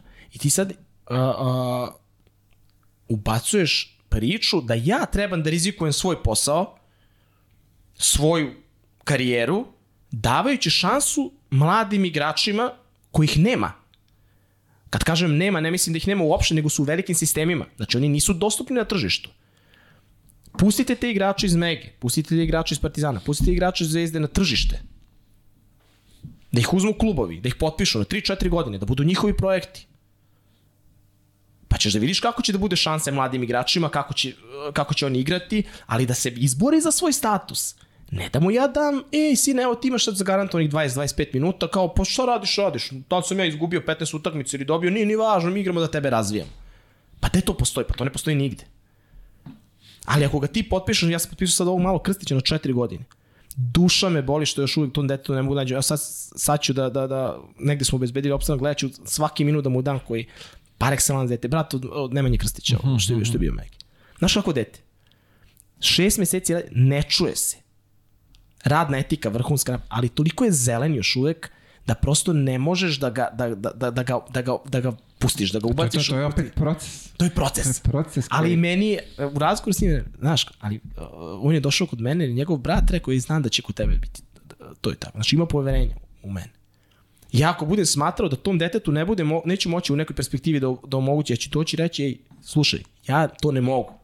Ali ja u ovom trenutku mislim da, da, da će to dete u nekoj perspektivi ovaj, uh, moći da bude dobar igrač. Koliko dobar igrač, to, to ja ne znam, to je do njega, koliko bude uspeo da, da popravi te neke stvari koje su mu trenutno problem. Ali, na primjer, duša me boli što tom detetu, na primjer, još uvijek nisam dao, dao, ovaj, dao neku šansu koja će to da ispravimo u nekom, nekom narednom periodu. Ali, ovaj, kažem, ima nekih igrača koji, koji su totalno drugačiji nego on. Koji dođu tako, znaš, treniraju sa, sa, sa no, neki 70-80%, znaš, brate, jer meni dođe Krstanović, Dule Knežević, sećaš ti Duleta Kneževića 80 godina? Kako ne? Meni dođe Dule Knežević, brate, 38, 39 godina, Zoran Krstanović. Brate, oni treniraju kao da imaju 15 godina, kao da se bore za, za, za, za svaki minut, za, za svaki... Meni dođe Nenad Čanak na... To je ja, znaš kako je to priča. Prva moja godina, 2009-10, to nam je najveći uspeh. Ti ste godine igrao za Metal od Superligu. Ovaj, sastajali smo se, ako se sećaš, te godine u, u Superligi. Ovaj, mi smo dobili pančo vi u, vi u Valjevu, iako ste bili mnogo, mnogo ozbiljni tim na papiru, realno. Ti, Bakić, ne znam, Maraš, ovaj, jedna Birča. ozbiljna, Pilča, ozbiljna ekipa, da, Birča, da. Ovaj, ali nije to poenta priče, nego u nekom tamo novembar bio nama Slava, Sveti Đurđici i Oliver Popović koji mi je bio trener, imao sam čast da mi, smo bili, ja mislim, jedan od prvih, prvih klubova. Ovaj, to je pre svega fenomenalan, fenomenalan igrač bio, a i, i, i sjajan čovek. Ovaj, I kod nas na Slavi nešto, i mi smo bili nešto u problemu, početak sezone, nešto smo loše startovali i kaže on, e, kao Čanak je tu, ja super Čanak, kao trenutno nema klupa, hoće dođe kao malo da Da trener igra kod vas. Ne. Aj mi zjebaš Čanak, dođe kod mene igra na otvoren ugovor, tamiše. Pitate godinu dana postoje, ali sad će Čanak dođe u partizan. U, tamiš da igra, znaš. Ma kaže, ne zjebavam se stvarno, ajde pričat ću s njim kao ako hoćemo, pa nema da fali. Ovaj, hoće. I dolazi Čanak, dolazi moj pomoćnik, kaže, moj čuveni top pomoćnik, kaže, ej, došao Oliver, kaže, dove nekog igrača. ja rekao, brate, to je Čanak, kapiten Partizana, znaš. A da, ja kao vidim poznat. Vidim poznat, ne znam ko je. Dobro, nekog igrača. Brate, ti da vidiš to. Da vidiš kako čovjek, 35-6 godina, dođe u Tamiš iz Partizana. Znaš, dođe kod Bojana Gujanović, ko je Bojan Jović, mislim, razumeš? Prvo, 2009-10 godina, mislim, igrao sam niže lige i jedne godine klasa. Brate, Pa kao da je došao u Lakers-e. Znaš, dođe mi Miloš Komatina koji je bio i okej, znaš, na, na, na mesec dana. Znaš, e, zato su ti ljudi uzeli pare. Zato su ti ljudi bili ozbiljni, igrali ozbiljne lige, ozbiljni. Oni ne znaju drugačije, to su profesionalni. Rade Marković prve godine.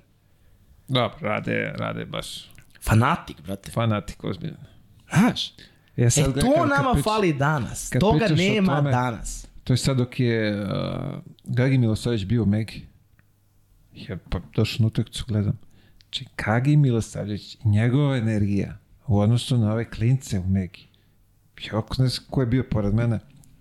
Ko čekaj bre, da ti primećuješ da Gagi ima više energije nego ova četvorica u, Zajedno. u, u petorci. Sa 30 i koje Gagi godište? Drugo, treće, 82, treće. Uh, u nju se znaje to.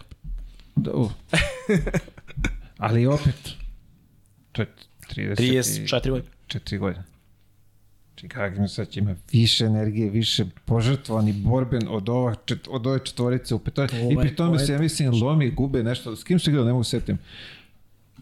To je Kako? mile poente priče. Kako? To je poenta priče. Zbog toga je naš košar problema. Zato što se toj deci sve titra, znaš, ej, ti ćeš biti ovo, ti samo, znaš, ti ovo, ti ono, ti, znaš, samo ti, samo ti. Znaš, praviš od njih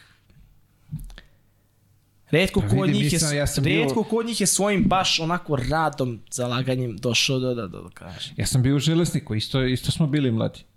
Mi smo sa 21 osvojili ABA ligu. 21 Znači je vreme, vi ste zaostavština tog starog vremena. Pa ne znam, ali evo sad, pogled, što ti kažeš mladi igrači, ako nisu do... Mi smo s 21 osvojili ABA ligu, čovječ, Mm. 21, 2, koliko smo imali, nebitno. Pogledaj sad, evo ti Mega ti je na koliko, 20 godina, 18, ne, Mm. nebitno koliko.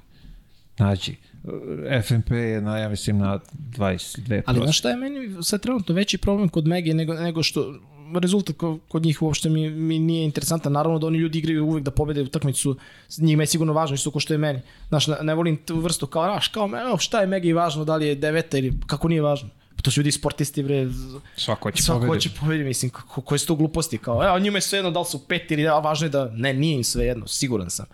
Znači, sigurno sam da svaku utakmicu idu da, da pobede, spremaju kao da im je finale, ne znam ja šta. Ali šta hoću ti kažem, ono što me zabrinjava, što je do skoro u Megi uh, gro tih mladih igrača bilo Srba. Pritom nemam ja ništa protiv ni, ni da se razumemo, bilo koga. Znaš, ko, je, ko su im glavni prospekti sada, pogledaj. Video sam da je Sve Pa malo, još te ne sve znam. malo, sve malog Đurišića koji je stvarno ono generacijski talent. Ne znam ne, tačno kažem, ti na, na, nabrojem iz koje su zemalja, ali video sam da, da nije ovaj... Pa, vrati, imaš, imaš uh, ovog, uh, Brankovića i Ruda, mislim, znaš, imaš uh, ovamo Kozbisti, imaš OKA Beogradu Jelavića, imaš Maloveca, znaš, to su, ti, to, to su većinom strani igrači. To mene zabrinjava. Ako oni koji su, koji su vrhunski u tom delu posla ne mogu da, iz, da, da iskopaju više te domaće, razumeš, kvalitetne, talentovane igrače, šta ćemo, znaš, ja, smo mi u ozbiljnom problemu. Taj njihov format ja vidim kao biznis. Pa ne, To ne, ne, ne, ne, ne, ne, ne, u ne, tome slušaj, i- Mile, ne, ne osporavam ja ništa njihov koncept, ja razumem to, nego ti pričam da su oni ja znam Baneta Tadića, Bane zna bre svako dete u, u Srbiji kako diše. Ako oni ne mogu više da iskopaju, verujem da bi da, da njima prioritet da nađu domaćeg igrača, razumeš? Nisu oni ludi valjda da, da ne dovedu igra, dete iz Surdulice, nego će dovedu dete iz uh, Karlovca, tamo iz Hrvatske, ne znam ja šta. Nego mislim da je to problem postao da i oni sve teže dolaze do domaćih kvalitetnih igrača za koji su sigurni da imaju da su prospekti za, za neku ozbiljnu priču. Ja samo mislim kad, kad smo već ko- kod Mege i Partizan i Zvezda da oni mnogo talentovane dece naguraju jednu ekipu i da se tu svi gube, što ti si malo pre rekao. Pusti ih na tržište. Puste tu decu, po, po KLS klubovima i nek se bore tamo za minutaž. Pa odakle je potekao? vrede- Odakle su potekli Jović i Kalinić? Iz Partizana i Zvezde? Ne, nego je krenulo Vojvodina, i Sloga, Radnički, Kragujevac. Naš Mutih je doveo iz KLS jednog i drugog. Tako je. Pa To pusti je- tu decu da, da budu najbolji u KLS-u, pa ćeš onda da ih sad, dovedeš. sad, je opet, sad se opet tu povlači pitanje, da li oni imaju kvalitetne uslove za trening tamo gde budu otišli? Ali ja mislim E, da to to, je, jeste, da to ali- nije E, pazi, to problem. jeste, i to jeste, to jeste ozbiljno pitanje, ali s druge strane, uh, to je već odluka tog igrača da se raspita. Aha, čekaj, treba da idemo ovamo, ovi mi nude više para, ali ovi mi nude nešto manje para, ali sam siguran da će imati bolje uslove. Meni su pare sad nevažne. Ali znaš ko će od njih da kaže da su im pare u tom trenutku nevažne? 90% neće. Mali broj. Mali broj. Ali opet sad, što povlači drugu stvar, da tu pored njih treba da budu neki pametni ljudi, savjet, da ih, da ih posavetuju, kaže, ej sine, ideš sad tamo zbog toga, toga i Upravo toga, lova će doći posle, lova Upravo nije to. sad. Upravo to. A i znaš što još što moramo da omogućimo? Da i Liga bude jača, da on kad dođe u taj klub, da zatekne ne jednog Smiljanića, nego pet Smiljanića, I koji ga neće štediti. koji ga neće, koji će, meni to, znaš kako ih biju, Smiljanić i, i Stanović na te. Brate, prebiši ih. Prebiši ih, meni nekad žao. I ono sad i oni ulaze, znaš, sad i oni već... to je znaš, to, kako da- Ali zamisli da imaš pet njih, pa onda on vidi, kaže, ej, pa druže, pa ja još uvijek ni nemam kvalitet da igram, da igram ovo. Ali on kad naleti na pet prosečnih KLS igrača i vidi da on to, znaš, već Lagano lagano, poentira, lagano znaš, sve. onda on misli da je mnogo dobar, znaš. I to je problem. Jer ja prvi godine kad smo igrali tu ligu, znaš, to je, znaš, dođi ti ja kad sam igrao poslednje godine, to je prve Tamišove klas, ja sam još bio igrač. Ovaj, znaš, dođi ti Bolić u, u, radničkom iz Novog Sada, znaš. Ti igraš Bolića, brate. Gledao si ga na televiziji, ono, znaš. Kao. Tako da sve manje, sve manje tih starijih igrača, kvalitetnih naših. E sad imamo sreće, kažem da su ove 3-4 ekipe imaju velike ambicije. Metalac, Zlatibor, Vojvodina, uh, pa i Sloga, nekog sam zaboravio još, uh, Spartak. Imaš Spartak, gore, Spartak tako je. koji imaju sad dosta d- dobru bazu, mada, mada i oni su potegli za strancima. Evo, pogledaj Metalac, tri, tri nosioca igre stranci. Znaš, i oni, i pričao sam sa Banetom, kaže, nudili su neke, neke ozbiljne novac nekim domaćim igračima, nisu hteli, znaš. Mislim, i onda on mora da potegne, potegne za, za, za strance. Tako da, ne znam šta da ti kažem, baš je onako, ovaj, baš je, baš je teška situacija. Nisam ošto optimista u, u pitanju. Znaš, mi ću uvijek imati neki generacijski talent. Ne bih ja toliko za Tako je, reprezentaciju, znaš.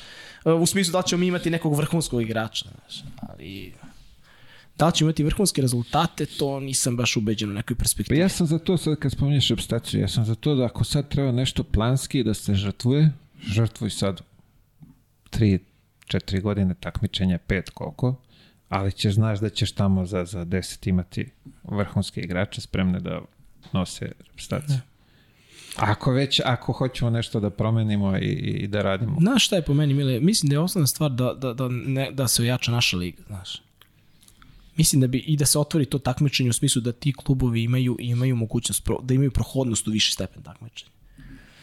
To je to je po mom mišljenju jedna od najvažnijih stvari, jer kažem ti onda i ta deca koja budu dolazile, ako budu veći budžeti klubova, ako bude jače takmičenje, na, nailazit će na, na mnogo kvalitetnije ozbiljnije igrače, brže će napredovati.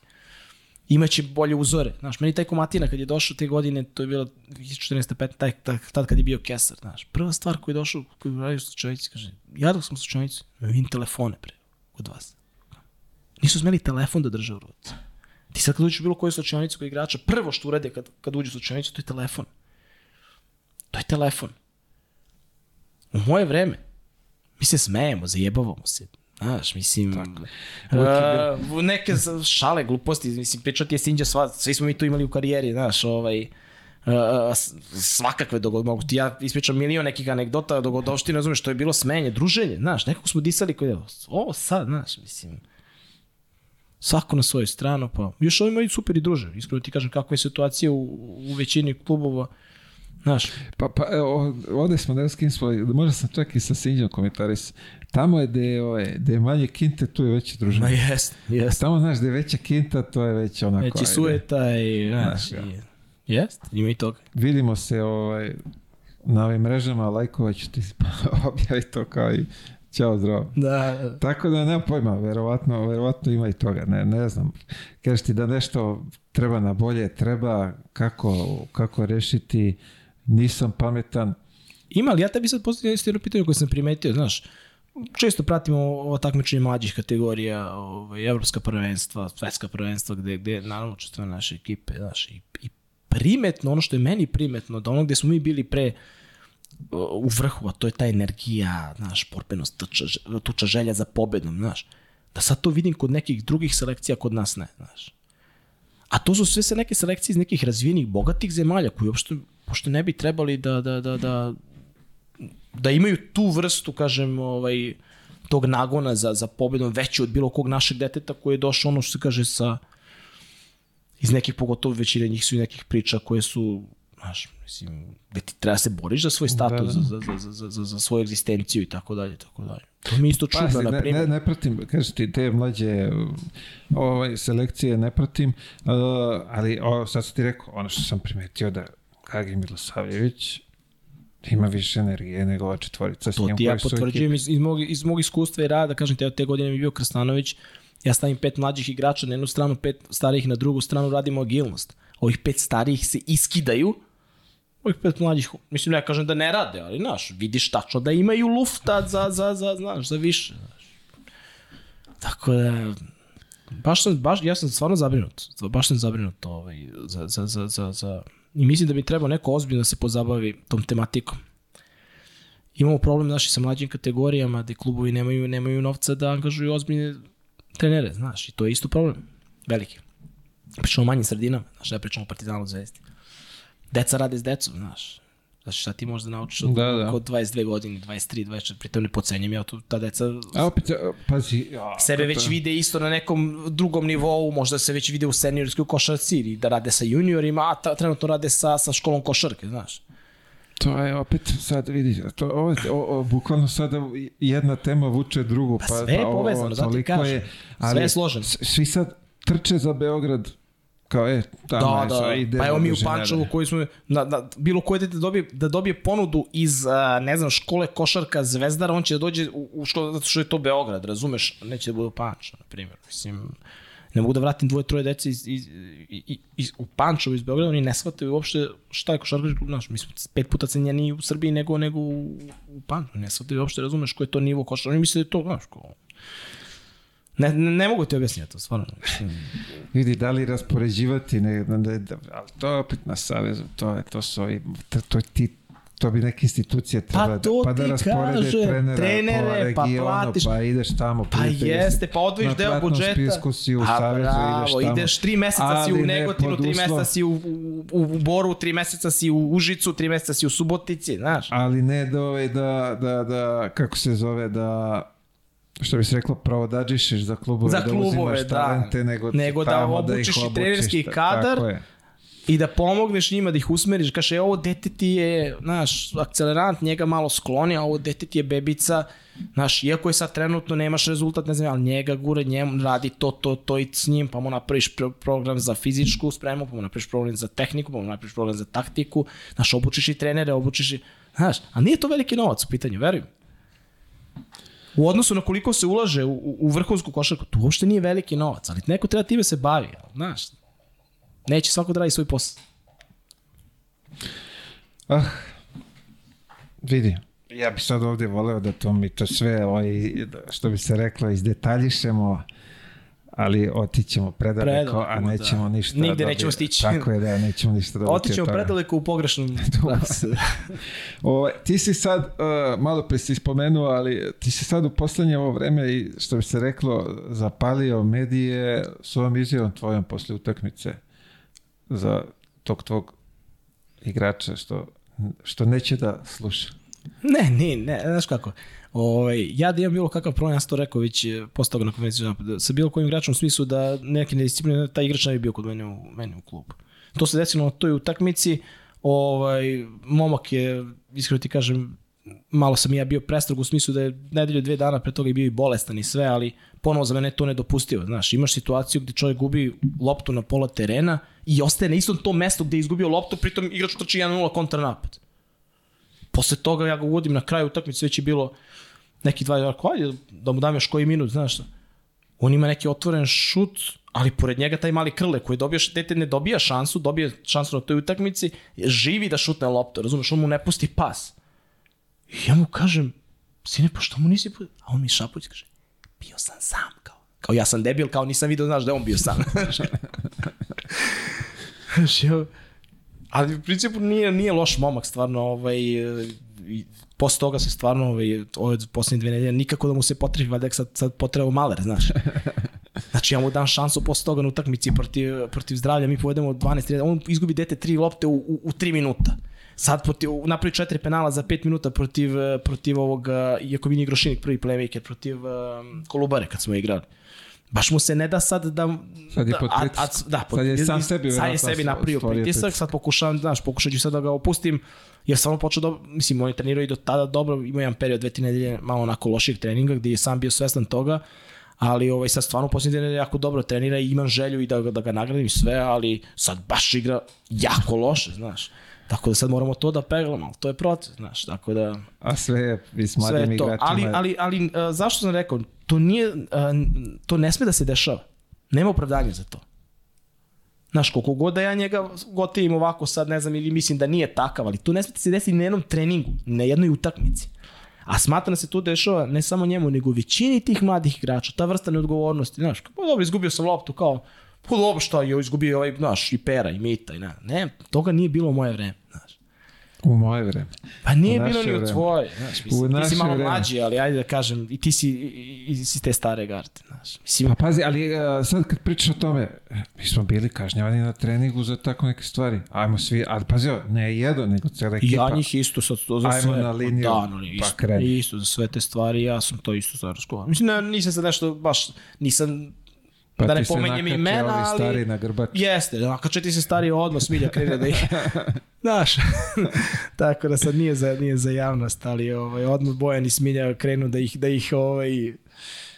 Tako da, da, mislim... A dobro, sve to borba, sve to proces, to mora, ovaj, mora da, da, da se prođe. Da se prođe, ali kažem ti, ne sviđa mi se u startu njihov stav. Ne sviđa mi se u startu njihov način razmišljanja. Ne sviđa mi se u startu njihov, njihov, uh, njihova polazna tačka da većina njih voze ozbiljne automobile sa 19-20 godina, razumeš? Znači, meni se to ne sviđa. Ta deca ne trebaju da, da, da imaju tu vrstu novca u tim godinama. Osim ako nisu, kažem ti, Luka Don, pa ih ne traži, znaš, ne znam, da im pravi pare. Oni ne trebaju da raspolažu tom količinom novca u tim godinama. To je moje mišljenje. Zbog čega bi dete od 18 godina trebalo da, da ima 2, 3, 4 hiljade evra stipendiju? Da ti ga ne otme neko kao, znaš, iz... Pa neka otme, brate. Kad tad? Ne može da ispratiš kao mali klub, to ne može da ispratiš. Naravno da smatram da treba da imaju stipendiju određeni, određeni džeparac, naravno. Znaš, ti davati detetu od 17, 18, 19 godina 5, 4, 7, 10 hiljada evra. Pa koliko je Simonić ima ugovor u Zvezdi? Mislim, to... Ako je istina to što sam čuo, Ne znam, znaš. ne stvarno. A ne znam ni ja, ali ja... Ali, Ali ja sad kad neki, rekao za- neki, ako i pola toga što sam ja čuo, to je, to je znaš, mislim. Na osnovu čega, pritom ne pocenjujem momka uopšte, uh, drago će mi biti da, evo kažem, možda će i on nekim zaobilaznim putem doći do toga uh, što su mu predviđali. Znaš, ja to ne znam. On sad već 25 godina, znaš. A predviđali su NBA i ne znam ni ja šta. Ja bi najviše volio da on sad i sa 28 godina bude nosilac e, reprezentacije. Ali zbog čega detetu od 18-19 godina toliki novac? 20. Da ga pokvari. Pa da ga pokvari. Pa to Da ga priča. pokvari na vreme. Kako se, ali ovde sad, kad se spomenuo automobile, uh, Bojan Tanović je baš bio i rekao je da je on imao uh, igrače, zastupao i tačno, ne znam koji je tačan broj, i rekao da su za 18. Dođ, ro, rođendan od roditelja dobili džipove. Zamisli. I lupam, neka visina, nešto, ne mogu sad tačno da se setim, niko nije postigao. Ali da li postoji veća šteta koju možeš napraviš svom detetu? Ti misliš da, da, da kao činiš njemu nešto? Pa to je najveća, najveća šteta koju možeš napraviš svom detetu. To je taj problem o kojem ti pričam, vaspitanje. To je ta promena. uh, Pa da li ti misliš da u, u vreme 80-ih, 90-ih će, će se pojaviti pojavit će se neka budala, možda, naravno uvijek ima, da će se pojaviti roditelj u to vreme koji će svom detetu kupiti, ne znam, džip. Ne, brate, studiraš, ako ne studiraš, imaš onaj preko studentski onaj rad, znaš, kao Da, ideš, da. nosiš džakove, ne znam, nešto da bi izradio sebi džeparac. Pa ideš u vojsku godinu dana, znaš, pa... Znaš, ja sad primećujem da su devojčice veći dečaci trenutno u Srbiji nego, nego znaš, veći patriote, veći, veći fajteri od muškaraca, bre, znaš. Ti kad odeš na žensku utakmicu, brate, ja gledam, kumi vodi devojčice. Devoj, plaču devojke, biju, bacaju se, zakol, dođem gledam dečak, znaš, kao opuštena laganica, znaš. Znaš, ti vidiš, gledaš reprezentaciju žensku, znaš, tu vidiš kipi onaj patriotizam, kipi, znaš, kopaj, ono što smo mi nekad bili, ono kad si gledao Danilovića, znaš, kao Da, u, da, da, da, da. u, u Atini, znaš, ono što su bili što su kod nas sad, sad žene, nama, nama, nama muškarci postali sline, bre, znaš. Sve razmaženo, sve, sve, znaš, sve nešto, znaš, sve im, nešto da im titraš, da, znaš, da. Nažalost, Ali ja iskreno ti da kažem, to je ja, ja negde kuće pravim to. grešku i kod svoje dece, ja sebe ne mogu, znaš, ja sebe hvatam se, jebote, kažem, sad op, opsovah, nadam se da, da, da, da ne, Ne, ovde sve dozvoljeno. da ne ovaj zameraš, javni ovaj- servis kod nas, sve može. Opuštena atmosfera u studiju, pa onda znaš, kao, da, kao da se ne snimamo. A, znaš, kažem ja, e, pa kao, idi do, pe, do pekare. Kao, pa ne znam, kao, znaš, nek ide bata, kao, znaš. Koji bre bata, koji, znaš, Imam ja sebe hvatam da to. Ajde prošli bre. kući, ka- pa ne, kao što sad. Ali tim što sad? njima, znaš, ja sam do skoro, znaš, kao davaj, nema, ide, ne, otiću ja, ili otiće deda, znaš, kao deda, čale moj sa 83 godine, i ide, znaš, i sad da kažem ženi, poznaju, ne, mi moramo nešto da promenimo, znaš, pravimo debile od njih, znaš. A to, A tako to je- većina ali to je od roditelja kuće, danas kuće, to, to, to radi, znaš, i pravimo debile od dece, bre. Debile pravimo. Bukvalno. Ne, I onda se čudimo kao, pa ovaj, ovaj, ovaj moj nesposoban, znaš. Ovaj ne zna da veže pertlu, ovaj ne zna, znaš. Pa, pa ne, ja ću. Iz, ej, nemoj, pa dobro, ne, ja ću, znaš. A istu grešku pravim ja. I sad pokušavam, sad Dobro da si svestan veći- toga, viš, dobra stvar da si svestan Da, toga. pokušavam da, da nešto, neke stvari promenim, stvarno, ovaj, jer, jer vidim da štetim njima. A zamisli koju štetu ti praviš detetu da mu 18 godina kupiš džip. Da bi on kao bio sre, ba, znaš, srećan, kao je, majstore, kao moj sin, znaš, Da se pokaže u društvu. da se pokaže u društvu, znaš, kao da se vidi da se ima, znaš. A to je to, ti u njemu 18. i A šta je sledeće, znaš šta je sledeće, Mile? to ću ti kažem. Pa droga, brate. To ću ti kažem. Ti Kad njemu on sve ima sa 18, omogućiš 19 godina, sve. 20 godina. Koji on motiv ima da, da nešto Nikakav, radi ni za sa šta. 18 tako Pa o tome ti pričam, znaš, kada on imaš sve, sa... I zato, pa, vidi, zato mi nervira vamo kroz komentare kad, kad, kad pišu kao uh, deca bogatih uspeju, a ovi talentovani si- sirotinja kao ne mogu dođu do ovih bogatih. Nađi mi ti sad, evo da je, evo ti poslednja od naše reprezentacije ili bilo koja pre, nađi mi jednog reprezentativca ili jednog igrača koji je napravio dobru karijeru da su mu roditelji bili ekstremno bogati. Ja ne znam, nije. Jer ti što su ekstremno bogati, oni će ih gurati tu do juniora, kadeta, mm. posle kad dođe kvalitet u pitanju, oni su čao. Ma naravno, ne možeš ti niko prevariš, ne možeš ti... Te, ja kažem, teren je teren, tu nema, nema prevar.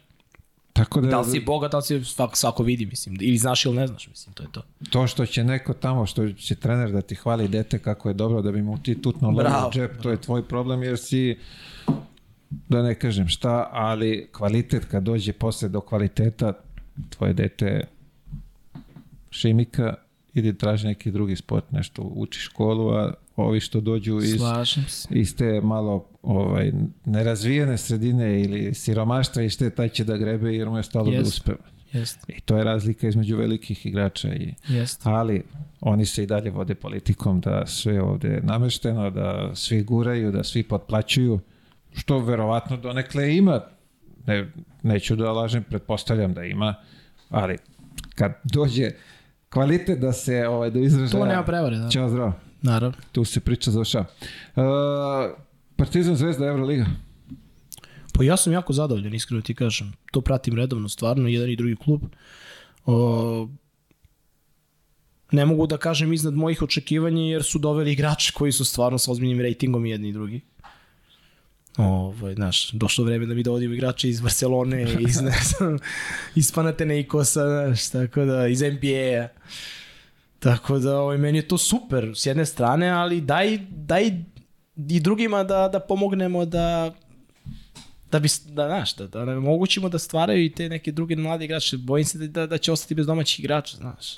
Pa evo, već, Ne vidim- Zvezda ima, ajde, Zvezda ima, jeste, domaćih još ali, ali to je neka zaostavština i dalje ovih igrača čak iz, iz teh, znaš, ima tu dosta, dosta nekih igrača koji su već u nekim ozbiljnim godinama, znaš, nema i tu Sem Petruševa, nema tu nekih Lazarević je 96. godište, brate, 27 godina, znaš. A ti, pazi, opet, a, ako sad gledamo o tome, be, bez obzira, ni ja nisam za, za, za oliki broj stranaca i za tolike pare strancima, ali a, ti Euroligu moraš da sazriš za Euroligu da bi... Ma, naravno. Ti ne možeš sada Ne, opet ne, ne, ja sa tu, Mile, 18, nema tu 22. iluziju. Uopšte ja kažem sad da je Partizan je trebao da u Partizanu treba da igra Koprivicu, pa nema veze kakav je rezultat. Pa kako nema veze kakav je rezultat? Ti predstavljaš svoju zemlju, svoj klub, ne znam koliko miliona navijača te, te gleda da bi sad ti rekao pa sve, pa šta onda igraš Euroligu, onda nema da igraš Euroligu, igra nešto drugo. Ali da treba da bude u ekipi, da osjeti atmosferu, da Jest. uđe ponekad, da, da osjeti tamo i neki da ga nabode laktom, da vidi kako je to, kako igrati protiv tih velikih igrača Jest. treba da. Jest. Ja sam, skoro sam, ne znam, s kim sam polemisao ovde, da za te pare ja mislim da su mogli da vrate naše igrače iz Evrope u svoje Pa klubove. ja ne znam da li su, znaš, ja verujem da, da su mogli da bi vratili, ne znam, stvarno ne znam. Pa, koliko ja imam informacije, neki nisu ni hteli. E pa to neki neće. Pa što Neki bi dolazili ovde da, hteli, da, da. da, da, te neko jaše, da te, To da to. te pljuje, da te posle svakog poraza, da te omalovažava. Ovako si gospodin tamo, znaš, mislim, čak i za Ima manje i toga, pare. bravo, ima i toga.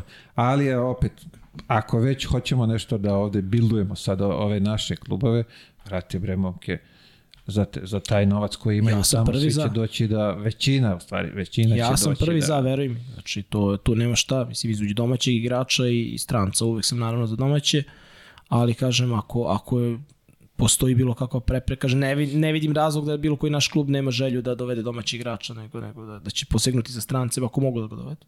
I sad, uh, ja sam imao ovde na početku tek što bi se reklo, ovaj, kad, kad sam krenuo imao sam, gost mi bio uh, Peđe Savajić.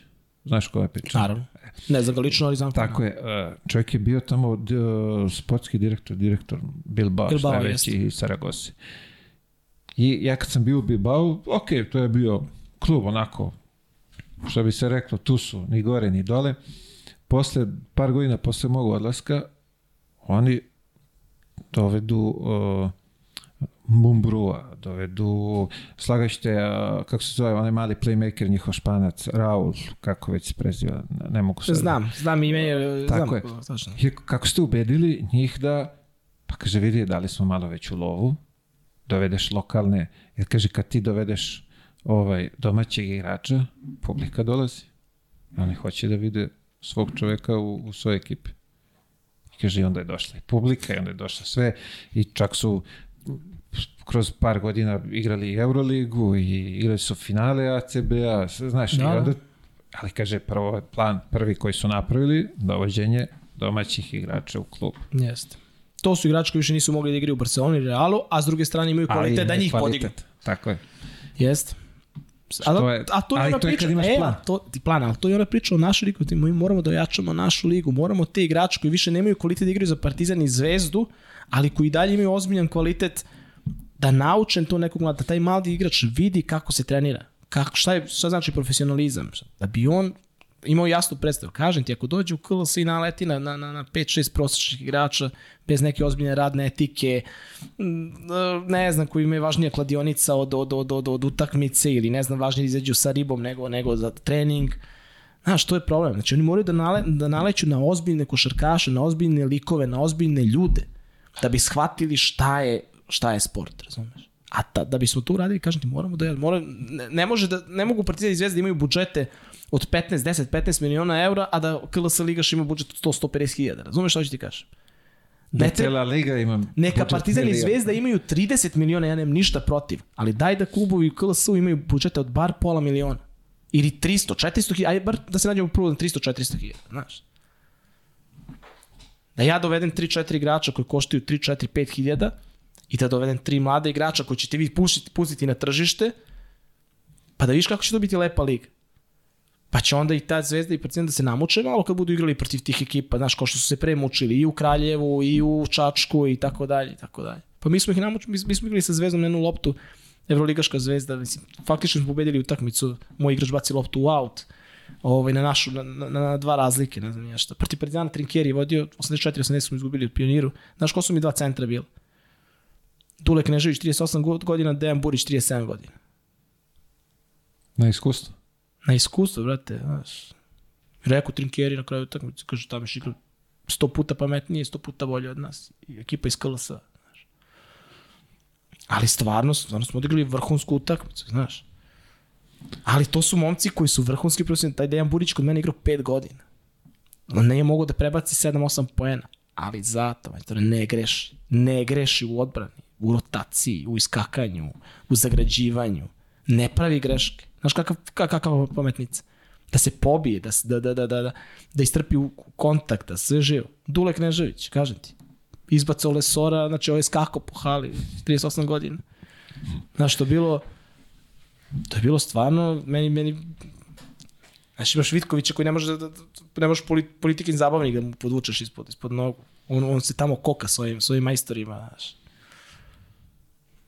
Daj takvih, daj mi takvih još pet, brate, i svaka će da bude ne Daj da se znaš. pomerimo, da se pomerimo s ovog mesta nešto dobro. Kak je, opet, ja sam ovde za- zagovornik, mnogo je bre tih talenata na jednom mestu, samo će da propadnu, a ovako daj, vamo Jest. nek se razvijaju.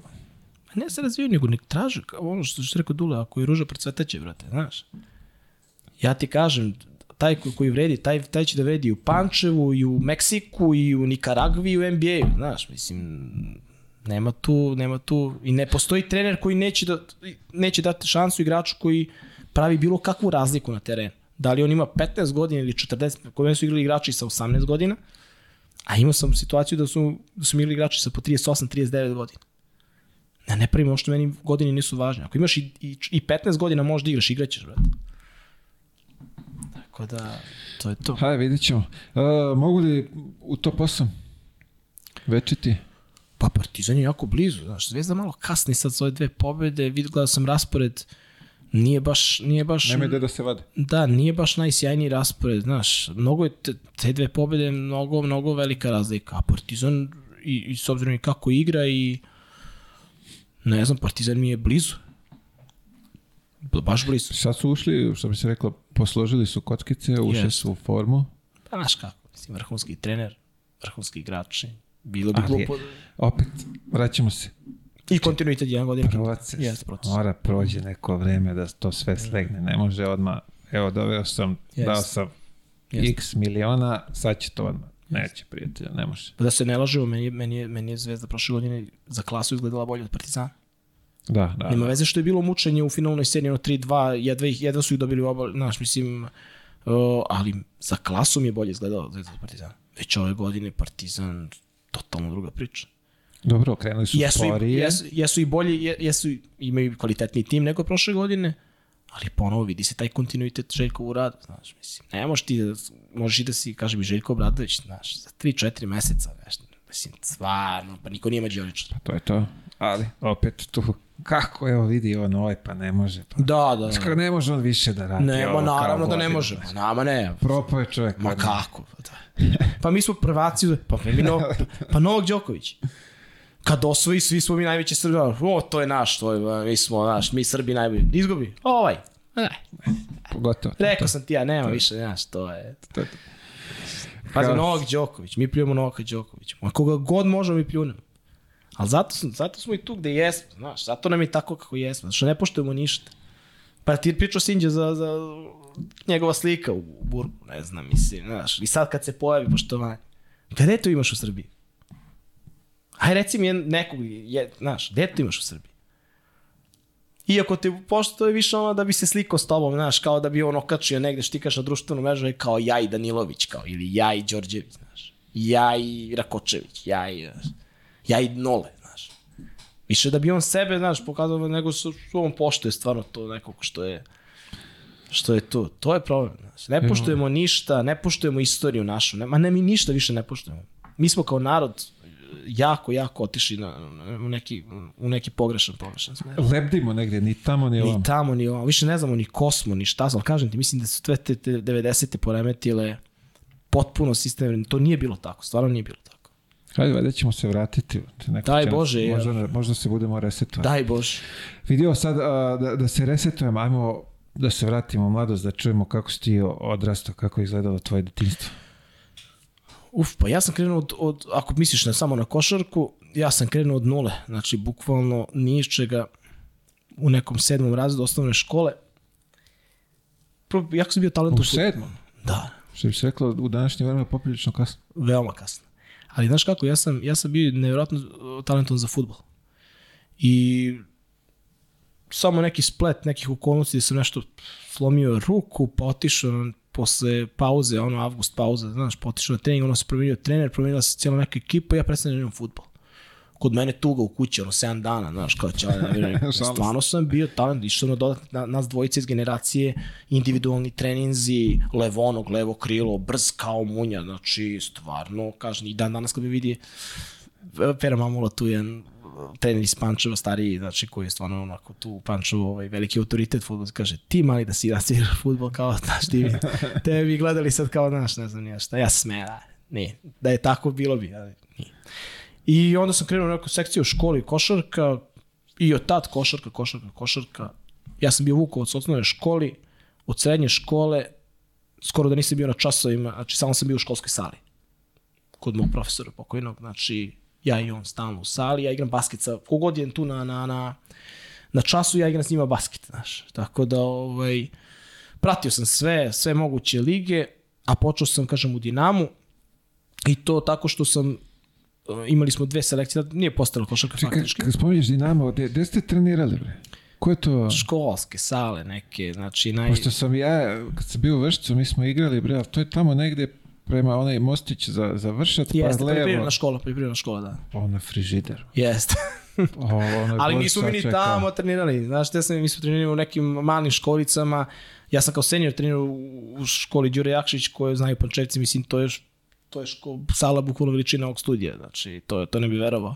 Na, na kom nivou je bila košarka u Panču. Onda se pojavio Profi Color te 93. jedno, dve, tri godine držao Živko Zelac sa svojim parama privatno, gde su bili fenomenalni igrači, znači Bulatović, Topić, Topalović, Radonjić, znači sve su to momci koji su igrali za Profi Color, Preković, čuveni, koji baci na jednu fintu šuta, čet, četvoro ljudi skoči, znaš. Znači ja sam odrastao uz to i ovaj, ali kažem, počeo sam u Dinamu, tako što sam tadašnji trener je rekao kao, pošto je bio prijatelj mog, mog, mog brata, igrao je, igrao je zajedno sa njim, kao neka dođe, bile su dve selekcije, Beli Anđeli, to su ovi više od 1,80 m, i Crni đavoli, to su ovi ispod 1,80 m, to je, to je, to je ovaj otpadak, kao neko on dođe kod mene, kao ovde, da ga ja, ja imam 1,54 m u 7 razredu.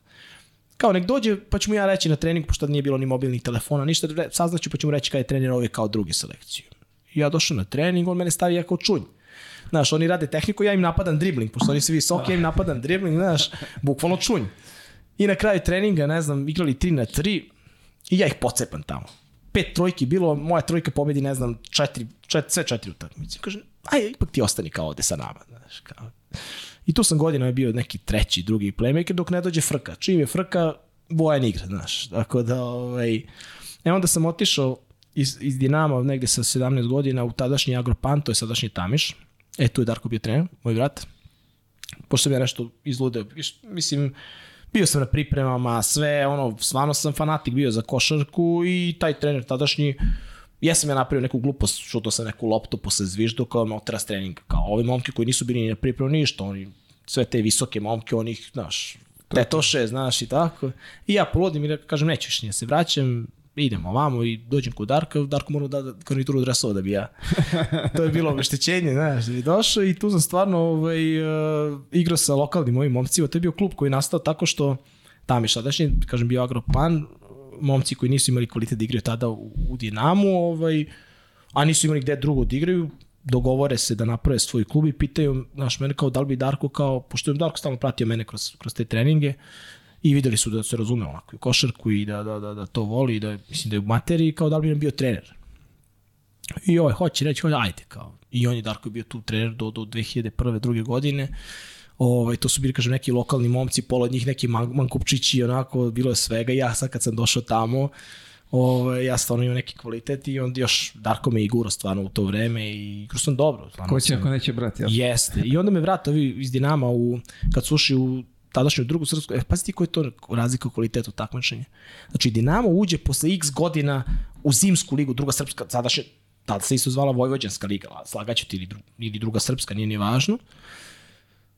To je opšte narodno veselje. To je četvrti rang i takmičenje i tad bio, znaš. Mislim, to je kao da se ušlo u, u, u KLS. I kao da vrate mene da budem drugi, treći playmaker. Ja sav srećan igram zimsku ligu, znaš, 19 godina, pazi. 90. Zimska liga. Zim, zimska liga, kao ono, znaš, kao neko, pa smo do tada igrali kao seniori samo letnju ligu. To je beton. To je, bila, to je bio košarka u Pančevu u to vreme. I ovaj, uđemo u drugu srpsku ligu i počnem, kažem ti, kao treći playmaker, na kraju budem prvi, pozovemo reprezentaciju lige, tad je bilo običaj uh, ša, prvak lige igra protiv uh, reprezentacije lige, znaš. Pozovu iz svakog kluba po jednog, dva igrača i zovu mene i još jednog mog drugara tu iz Dinama, Novi Beč je ušao u, u, u, u prvu srpsku ligu. Novi Beč je preozbiljna ekipa bio. I posle toga, mislim, u stvari pre toga meni rekao bivši igrač profi kolore Milošević Mici, zna, on igra u toj generaciji sa Radonjićem i sa Topićem i to, on kaže, ej, zvali smo ljudi iz Novog Bečeja, kao tu pri samom konta, kao, oni bi volili kao da pređeš tamo kao trener playmaker. I sad, znaš, ono, pazi, prva srpska liga. Znaš, kuda te, to je za mene sad, znaš, izazov je. A s druge strane, gde da idem, ono, znaš, mislim, ja u Šuškan kući, znaš, tu već upisao neki pravni fakultet, nisam otišao dva puta na, na, na, na, na u školu i, i Darko me zajahu. Pošto ja nisam teo da idem, kažem, alo, majmune, kaže, šta, šta hoćeš ti? Tu, hoćeš da igraš košarku? Ovde kao, znaš, kao nešto ulažeš, treniraš, ne znam, uh, radiš, sad dobiješ najzad, te neko pozove, kao aj bar da studiraš, kaže da si ozbiljan na fakultetu, pa ajde, znaš, znaš, kao, ti da se odlučiš, kao šta, i udarim i on tu na sujetu i ja kažem, dobro, ajde, idem, kao, znaš, kao iz inata, kao idem. I odem ja tamo, stvarno, a Novi jesi ti igrao večer nekada priprema? Kako Ovaj? je? Da, malo mi je, Yellowstone, mirno mesto za odmah. Još se ja pojavio kad smo igrali tu utakmicu, to je bio nek početak, početak oktobra, uh, kad smo igrali tu ligašku utakmicu s njima u, u toj tadašnjoj drugoj srpskoj ligi. Bila nedelja, neka 12 sati, neki vetar, kiša, nema mačke, nema nikog na ulici, znači kao da je kuga. Meni je to ostalo u glavi, onako, znaš, cijela ta slika, uopšte mi se ne ide tamo, znaš, kako ti kažem, nisam uopšte bio zainteresovan za, za, za to, iako mi je izazov što tiče košarke. Ali dođe ovaj tadašnji predsednik kluba, znaš, mi se dogovorimo sve na kraju, to za mene bio neki ozbiljan, ja sam igrao za, nisam igrao za pare, razumeš, oni ti dali mi ugovor, ne znam, rate neke, pa stipendija, pa znaš, nije to neki ogroman novac, ali za mene kao klinca je bio okej. Okay. I ovaj, i ništa, odem ja tamo i sad, sad ću ti samo, mislim da ti dam sliku kako izgledaju današnje dece i, i današnji uslovi, gde sad, znaš, ako, ako ti ima malo loši internet u sobi, znaš, kao, ja, kao imamo problema sa internetom, znaš, kao, ili ne radi mi, znaš, kao, ne znam, uh, malo mi je grejanje slabije, ili krevet mi je, ne odgovara mi duše, znaš. Ja odlazim tamo, avgust mesec. Pojavljuje se početak priprema, levo, desno. I ovaj, Da je otiski cvet. ma kakav tiski cvet. Ajde da te smestimo, kaže. Kao sedi u kola, ideš za mnom. A sa mnom išao brat, snajka moja sadašnja i ovaj, tad mu je bila dojka. I jedan prijatelj. Saigrač bivši, ono, što bi isprate svi. Voze, voze, on skreće ka, ka dolmi tamo, ka, ka, ka tisi, znaš. Skreće parking stadion. Mi dolazimo na stadion.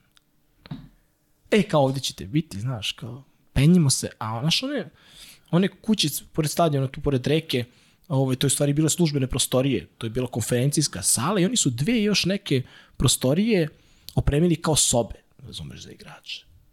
Ja ulazim u sobu, a u sobi dva kreveta na, na dva dušeka na podu sa daskama onako, to ti je krevet, jedan orman na kome vise vrata, a, Stočić, onaj sa kariranim onim kafanskim uh, stolnjakom Da, da, i dve da. čašice za rakiju. I ulazi moj burazer, znaš, gleda. ono. Ulazi ovaj drugar isto, on 2-5 visok, znaš, ko, ko od brega odvaljen. Gleda Darko, kaže, odlično, kaže, nema vlage. kaže, odlično, nema vlage. A kaže ovaj drugar, kaže, vidi Dare, kaže, čašice za rakiju. Znaš, kao, pa, kaže, ja bi ovde igrao džabe, kaže. Kunem ti se, meni suze pune, o, oči pune suzama, istrčavam dole, ono, znaš, e, iz, iz, iz, iz, iz sobe, snajka trči za mnom, kao, ej, Boki, kaže, ti ako ti se ovde ne ostaje, kaže, apsolutno, kaže, ovog trenutka možemo njemo kući, kaže, razumećete ljudi, razumeš šta, ma, kaže, jesi ti normalno, bre, kako je, nego ja ovo sad trenutno, razumeš, ne, nema šans. Majstore, a, kupatilo nismo imali, čučovac, hladna lavabo s hladnom vodom, tuširali smo se samo u hali. To je bila moja godina, prva profesionalna godina, kao profesionalna godina, košarkaška, ali to je meni bila najlepša godina u karijeri. Ja sam takve momke tamo upoznao i tako smo u atmosferi, znači tu je bio sa mnom, ja sam bio cimer sa Zoranom Bajinom, oni sa trener u Proleteru, jedan momak par excellence, a pored mene ovaj, nek, momci koji su, kako ti kažem, da mogu da ih, da ih da budemo ono braća, da možemo da se pobranimo, sutra bi to uradio, ono krv, ono, znaš, da daš za njih. Igor Konrad ovaj, iz Tuzle, on je bivši kadetski reprezentativac Bosne i Hercegovine, bio 75. godište. Ovaj. Znaš kakav, kakav je to bio potencijal i talent, samo što eto, on, je baš onako uh, uh, uh, borac za pravdu uvijek bio. Njega su pogađale mnoge stvari, bio je izvesni Dragan Zec i, Vuja iz Bileća. Nas petorica smo svašta nešto radili, prošli kroz tih godinu dana i ostali smo zajedno jedno tri godine, ušli u, u B ligu tamo, ja sam četiri godine bio u Novom Bečeju, a druge godine... Čekaj, si sve četiri bio u, u toj... Ne, ne, ne, ne, posle toga smo prešli u Da li su bolje? Da, da, bili smo u stanovima, nekim kućama. Napredovali ste, dobili ste Napredovali, u stvari, u, u stvari posle druge godine Nije bio da si uzela... za- Ne, ne. Uzela nas je polet keramike, smo ušli, a to je bila ona godina bombardovanja, znaš. I ostala su dva, a, tri kola do kraja, Kosovo polje je bilo ubedljivo prvo. O, Mikica Marković, Draža Marković, znači ozbiljna ekipa. Tamo kad odeš još ona, ona sala u Prištini, ona mala sala, mislim, ne, ne vjerujem da se igra u Prištini nikad, Nisam. pošto ti mlađi, uđeš u malu salu Borove Ramiz, kao da je neko postavio daske, znači ka- ako, ako tapneš loptu, ona ti ostane na parketu, znači ne postoji šansa da ti lopta, da, Znači, bez, bri, bez, bez driblinga. razumeš. Uđeš u reket, ovaj, eh, Draža. te čeka. Draža te čeka i pokojni knez, ovaj, isto s njim sam igrao u pola, pola godine u, u, u baru u Tini Time-u. Ovaj, prebišete, ubišete, ne smije uđeš u reket, znači to su laktovi, to je pljuvanje, to su pretnje naj, naj, najgore moguće, znači ko ode tamo to je 30 razlike u startu, to nema šanse da, da dobiješ utakmicu. Oni su bili ubedljivo prvi, trebali su uđu u ligu, ali bude bombardovanje, naravno oni kao klub više ne postoje i sad se traže dva kluba koje će da da uđu u B ligu. Ostalo su još tri kale, to je igra u avgustu. Svi moraju da igraju sa onim ekipama koje su bile u trenutku završetka takmičenja. Mi se vraćamo u Novi Bečej i kažemo ovi ljudi, kaže, ako ne uđemo u ligu, kaže, teško ćemo moći da opstanemo dalje, jer ovaj, na ovom nivou da, da nešto plaćamo. S druge strane, kaže, ako, ako uđemo, imamo obećanje da će nas uzeti polet keramika. To je ozbiljna firma bila tamo, rade ove crepove i, znaš, I oni su mi tad bili, to, to, to, to mi bila druga godina ugovora, ja sam potpisao posle prve još na dve godine, čak su mi bili dužni neke rate i tako, ali kao, ej, znaš kako, ako to bude, kaže, bit će sve, ako ne, veruj mi da ne znam ni odakle ćemo da isplatimo, ili bilo stvarno ono posle bombardovanja, baš teško, teško vreme. I mi odemo u Ivanjicu, pošto smo poslednje kolo trebali da igramo protiv Kosova polja, to nam je faktički dobijena utakmica dva boda, imamo još jedno kolo uh, Ivanjica, Javor. Tamo je Raško Bojić bio trener, Kepi Mijušković igrao, ovaj, Nikola Radmanovac, Ilić, znači ozbiljna ekipa, ali niz klupa im je bila slaba, ali petorka, top. I ko pobedi tu utakmicu, taj je siguran, siguran učesnik. I druga utakmica je bila Mašinac Mirjevo. Mirjevo, Ljubav Milentijev, Šubara, Božić, eh, znači, pa ti ko je to prva srpska liga? Pa ti o kojim imenima pričamo, ja da ti kažem moju petorku. Znači, ja, Bajin, uh, Igor Konrad, Saša Vukas, koji posle toga igra u Vojvodini, za, uh, Saša i, i, da. i Radenko Toroman, uh, mi sad u KLS -u među tri ekipe ono da se ne oznojiš. Prva srpska liga, pazi. Odlazimo u Ivanjicu, polovreme 20 razlike za njih. Televizor da su šutnuli, da su bacili, ja ne znam, to je 56, 36 je bilo polovreme, ili 54, 34, slagaćete. Drugo polovreme, mi u slučionici kao, znaš, momci kao, ćemo da igramo, nećemo, znaš, šta je ovo? Ej, znaš kako ide utakmica? Bukvalno 19. minut 19 razlike, 18. minut 18, 16. minut 16, 10. minut 10 razlike za njih. Znači mi bukvalno svaki minut posed po posed spuštamo na dva pojena. I sećam se nekih 20 sekundi do kraja, ovaj, bio je egal, nerešeno i mi imamo napad. Time out, ništa kaže, ne, kaže Bojan uzmi loptu, kaže, pro pokušaj nešto, šta ćeš, što izmisliš, neki pik levo, desno, znaš, mislim, ajde. Igramo ja i Vukas neki pick and roll, ja ostadu nešto ja ne, ne znam šta ću s loptom, znaš. Ne, ne, ne, ne, ja nisam bio šuter, znaš, ne znam i negde ja krenem nešto ka košu, ne znam ni kako sam napravio neku, bacim njemu neku loptu, pod, on, maj, on je majstor hvatao, mogu da uhvati loptu gde, gde god da mu je baciš, znači i iznese koš faul, stvari lažem, bilo je, bilo je, bilo je, da, jedan je bilo za njih, on daje dva, daje slobodno bacanje, dva za nas i oni šutiraju loptu s pola ma kakvi s pola terena, s penala. Lopta leti, ja je vidim u obruču, lopta ide u koš, udara u drog, znači da je centimetar bila samo, samo kraće, ulazi, ulazi u koš, mi pobeđujemo, znači utakmicu koju smo gubili 20 i ulazimo u Beligu uzima nas polet keramika. Znači, leže mi jedna rata, druga rata, treća rata. Počinjemo da jedemo u njihovom restoranu tamo gde jedu, gde jedu njihove mošterije. Znači, iz, iz bede mi ulazimo u Eldorado. Znači, ne znam šta ću s parama, ne znam, ne znam šta jedem. Ovaj, uh, moj, da sad ne, ne, ne pominjem imena, nosi sokove odande kući. Znaš, mislim, ulaziš ono u, u, u, iz bede u, u Eldorado. I tako sam tamo bio još, još uh, tu godinu. Četvrte godine odlazi Vukas, odlazi Konrad, menja se kao oni pravi ekipu po meni. Znači, ja postajem kapiten i ovaj... A ja sam bio preteča današnje moderne košarke, znaš, run and gun. Znači, ja sam volao da, da, da, da, da trčim, da igram u tranziciji, da zujim, da, mislim, razumeo sam igru stvarno, bio sam dobar playmaker, ali nisam bio, više sam volao da igram, kažem, u bržem nekom, nekom ritmu. A oni mi na Toromana dovedu Gašpara i, i, i Cileta Miladinovića, moje velike prijatelje koje, koje obožavam stvarno, ali koji su sve samo ne bili kompaktibilni sa mnom u tom trenutku. I ovaj, naravno, ja se u toj sezoni gasim totalno, ovaj, ali eh, imam jednu, jednu stvar koju, koju stvarno ovaj, koju moram kažem, ja sam u tom trenutku možda i bio i, i nezadovoljan što se to tako sve završilo. Ovaj, jer sam četiri godine bio tamo i posle četvrte godine sam se osjećao nekako odbačenim ovaj, i pored toga svega što sam dao za, za taj klub. Ali ja jednostavno sad iz ove perspektive osjećam veliku zahvalnost prema, prema, prema tim ljudima iz, iz, tog, iz tog divnog mesta i, i, i Tomi i Saletu koji mi je bio trener i svim tim momcima koje sam tamo upoznao jer da nije bilo njih i da, da nije bilo šanse koje su mi oni, oni, oni ovaj, ukazali, ja sigurno ne bi bio na, na košarkašoj mapi sada ovaj, gde, gde, gde jesam. Kaže, nije to sad neki vrhunski, Jasno, ali, da. ali ovde dok, dokle sam stigao, tako da evo ovom prilikom ako ništa drugo, ovaj, kažem, da, da im se zahvalim svima, kažem i, na, i, i te četiri godine su stvarno možda i, i neki period možda i najlepši u mojoj karijeri, pogotovo te prve tri godine sa tim momcima koji su bili neverovatni stvarno. Od tog prvog dana Braća. koji, koji, koji pamtiš taj mamuran košava, šta je već Jest. bilo do, do, do, do, četiri jest, godine. Jest, jest, stvarno. I, idealno. Jeste.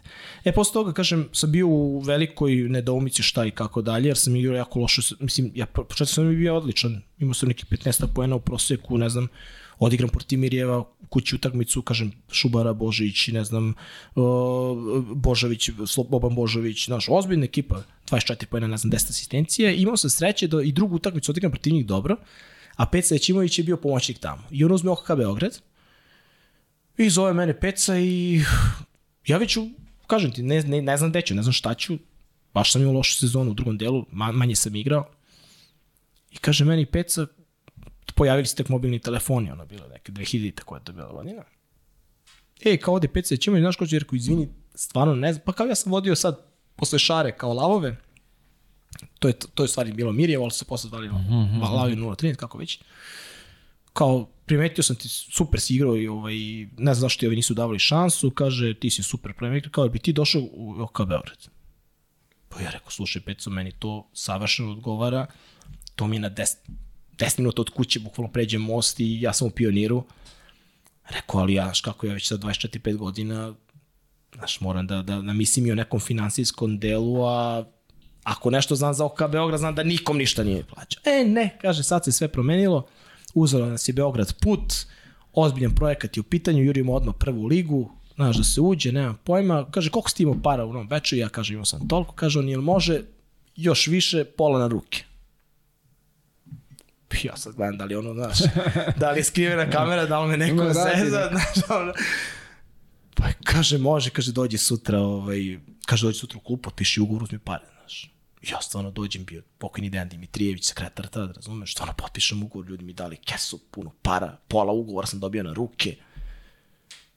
Samo gledam kako dođem kući, ono da, da, da Nisi ko Sinđa stavljao pod... Nisam, pod... negde sam ga sakrivo, znači, ne znam ni ja gde sam, dođeo sam neku Fiat Tuna tad, znači ne znam da sam stavio ispod sedišta ili ne znaš, kaže samo dođe da se dokopam kuće, isto tako, ne znaš, stavio pare na 100 keva i čale, kao, znaš, kao, wow, kao, znaš, šta je ovo, rekao, znaš, što je to.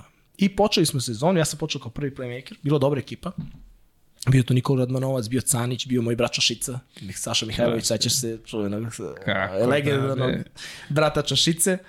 Ovaj, bio Mirko Kovač, trebali su da budu tu i Gaja i Krstić e, iz Partizana na Aha, dvojnu. na Gaja se dvojnu. pojavljivo na početku, posle toga su i njega povukli, a Krstić se nije uopšte pojavljivao. I bili su lokalni ovi momci iz Beograda, Dule Nikolić, Radojević i tako. Ne, nisu, nisu se afirmisali posle stručni nešto košarka, ali su sjajni momci, stvarno fenomenalna jedna ekipa. Ovaj, I počeo sam kao prvi playmaker, ali posle jedno 5-6 kola, da, pošto je predsednik kluba bio iz Čačka, oni dovedu od Sokoljića, Saksona. Aha, aha, aha. I onda vidi, znaš, te, sad ja kažem, ja sam uvijek bio realan.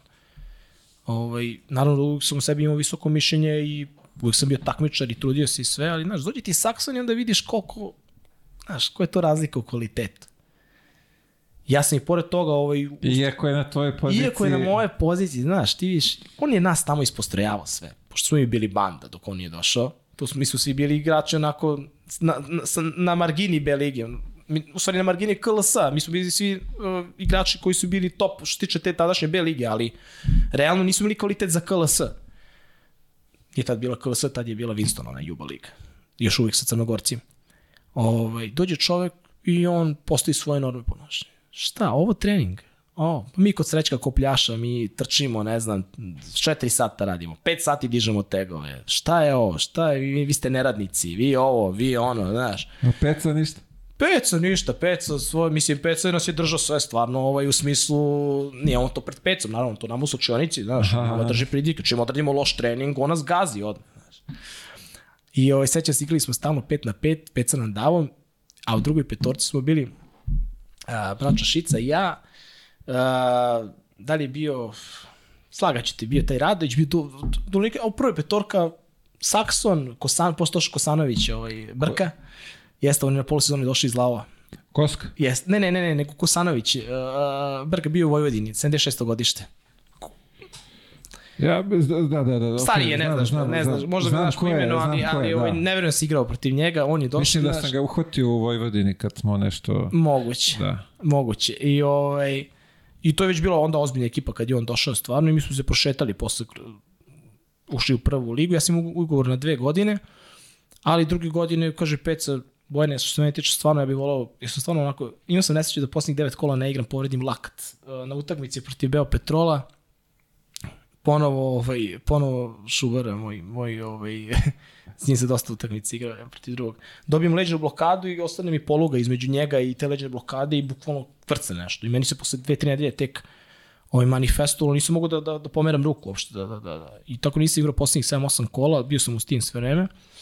I, ka, znaš, kaže Peca, stvarno što mene tiče, verujem i ja bih te ostavio, ali ovi iz insistiraju, do, došao neki momak iz Čačka, ovaj, da bude tu i ali kaže imamo već spremno za tebe, kaže preuzet će tvoj ugovor ljudi iz bara. Tad je bio Tina Time, držao je neki privatnik ovaj, klub, Šta to, tamo- to je neka preteča ovog Mornara? E, preteča Mornara. Odmah posle toga, posle dve godine je ponovo bio Mornar. Oni su preuzeli, Mhm, preuzeli ovaj, to. Bio mi je Đoko trener. Ovaj, I tad, da. Da, ne na početku, prvo je bio Vinko, ovaj, pa posle toga je posle jedno mesec dana uzeo Đoko, pa je Đoko otišao na pola sezoni, ali Đoko je jedan fenomenalan lik, to je, to je takav jedan Jack gospodin, mislim, stvarno, ovaj, i s njim je, no, da gotovo, oni pristalica ovih zanskih presinga, američke košarke, ne znam, koleđa, i sećam se, jedan trening je bio, ovaj, onaj, kad krene onaj šever da duva tamo u baru, uđeš u salu, nije ti dobro, znaš, i sećam se, neki trening bio, oni postavljaju neki zonski pressing i, ovaj, i sad radi jedna petorka, ništa, on, levo, desno, gube se lopte, šta, ja sad ove moje, znaš, kao, ja ih postavim, ti stani tu, ti stani tu, rekao samo pasom, rekao i to je to. I sad kaže, mi igramo napad. Mi jednom koš, drugi put koš, treći put koš. On zaustavlja dolazi kod mene. Šta je ovo? Si ti playmaker? Ti da si playmaker, ti bi tu za tu loptu i kaže, prošao bi kroz sve njih. Pa rekao, Đoku, šta je problem? Rekao, mi smo pasan to. Ne, neko uzmi driblingom, idi ovamo, kaže da tu dvoje. on sad hoće, ja da njega razumijem, on sad hoće da mi vežbamo odbranu, znaš, da ja sad kad krenem driblingom. Tako da mi je to bilo onako baš, baš ovaj, upečatljivo, ali kažem, sećam se, ulazim u neku tamo pizzeriju lokalnu, ne možeš da platiš račun od njega, mislim, ne, prosto gde god se pojaviš sve ti je plaćeno, mislim, da to je jedan takav čovjek da, da, da je ovaj, to nestvarno. To mi je bila jako lepa godina, gde mi na pol, do polusezone smo imali neke ambicije, se borimo za vrh, ali realno ekipa nije, nije, nije imala taj kapacitet i onda smo napre, tadašnji gazda je napravio neke promene, kao fuzon, aj samo završimo sezonu i dovede Basaru, Basarića iz FNP-a, sećaš se, a do tada smo bili tu uh, Šušić, Mihajlon iz, iz Čačka, kapiten dugogodišnji borca, Mičeta, isto moj veliki prijatelj, ovaj, Nino Milošević i to je bila ekipa i Basara, nas pet. I šest je bio Miljan Knežević, Kreza, brat od ovog pokojnog Kneževića, ovaj, on je bio, on je sve, kogod da izlazi, ulazi, ulazi Miljan.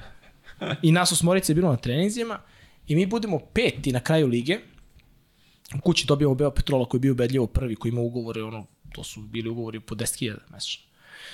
Ovaj, dobijemo njih kući, dobijemo neke važne utakmice stvarno i budemo peti i igramo baraž sa OKK Beogradom uh, za ulazak, to jest oni za opstanak, a mi za ulazak u KLS. Bila je neka organizacija takmičenja, četiri su ulazili direktno iz B lige, a peta igrala sa poslednjim iz Juba, te isto lige, da i- igra se utakmica na Koje to neu- godine, izvini? To je bila 2002. 2003.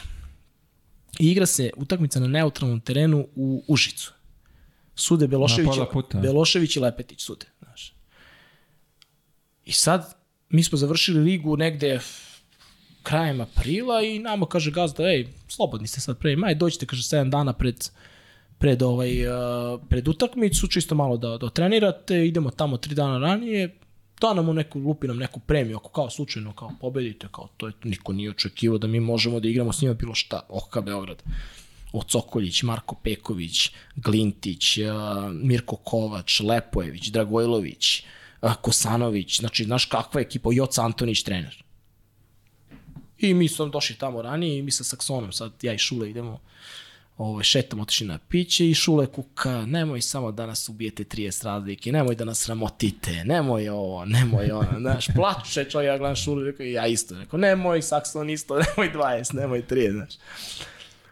Krene utakmica, mi kao u transu.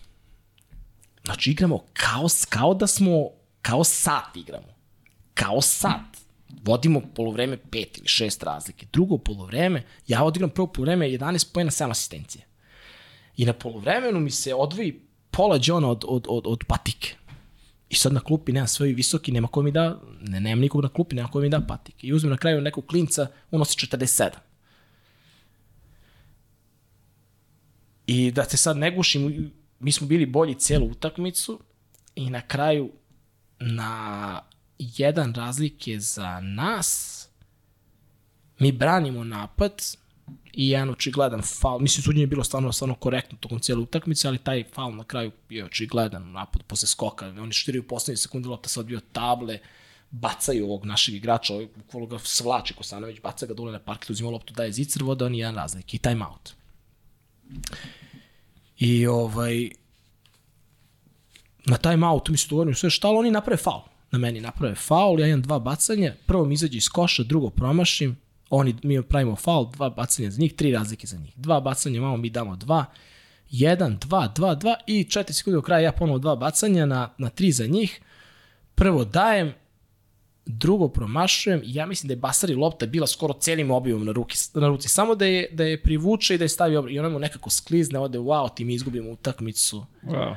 ovaj, koja je možda mogla da mi, da mi karijeru možda promeni u nekom drugom pravcu, ali eto, kažem, prvi put sam se susreo s tom vrstom pritiska da, da odlučuješ, znaš, ono, na nekim stvarima, znaš, utiraš tako važna bacanja i kažem ti, to prvo mi je baš onako izašlo iz koša, za drugo sam ono, izgubio sam opouzdanje, promašim i to mi je najveća onako uh, rana, rana ovaj, ostala u, u toku karijere, jer ne znam šta bi bilo smuši te godine stvarno u ligu. Mislim, i što se tiče moje karijere, što se tiče svih tih momaka, svi bismo sigurno ovaj, ali sam odigrao jako dobru utakmicu, stvarno, to nije, nisam ja... Ovaj, Dobro, svi mi kao klinci maštamo da ovaj, uzmemo tu završnicu u svoje ruke. Da, I posle toga sam mnogo utakmica rešio na taj način penalima, čak i nekim šutima, pogotovo kad sam bio u Tamišu one godine kad smo ušli u KLS, bar na 5-6 utakmica sam rešio u Kosjeriću, na primjer, utakmica gde oni vodi jedan razlike, puna hala, ne znam, dajem dva bacanja na 5 sekundi do kraja, znaš, pobeđujemo utakmicu i faktički time ulazimo u ligu, jer su oni bili direktni, direktni konkurenti. Ali eto, tad, tad sam promašio i to mi je, kažem ti, najveća rana, ono što se kaže u karijeri.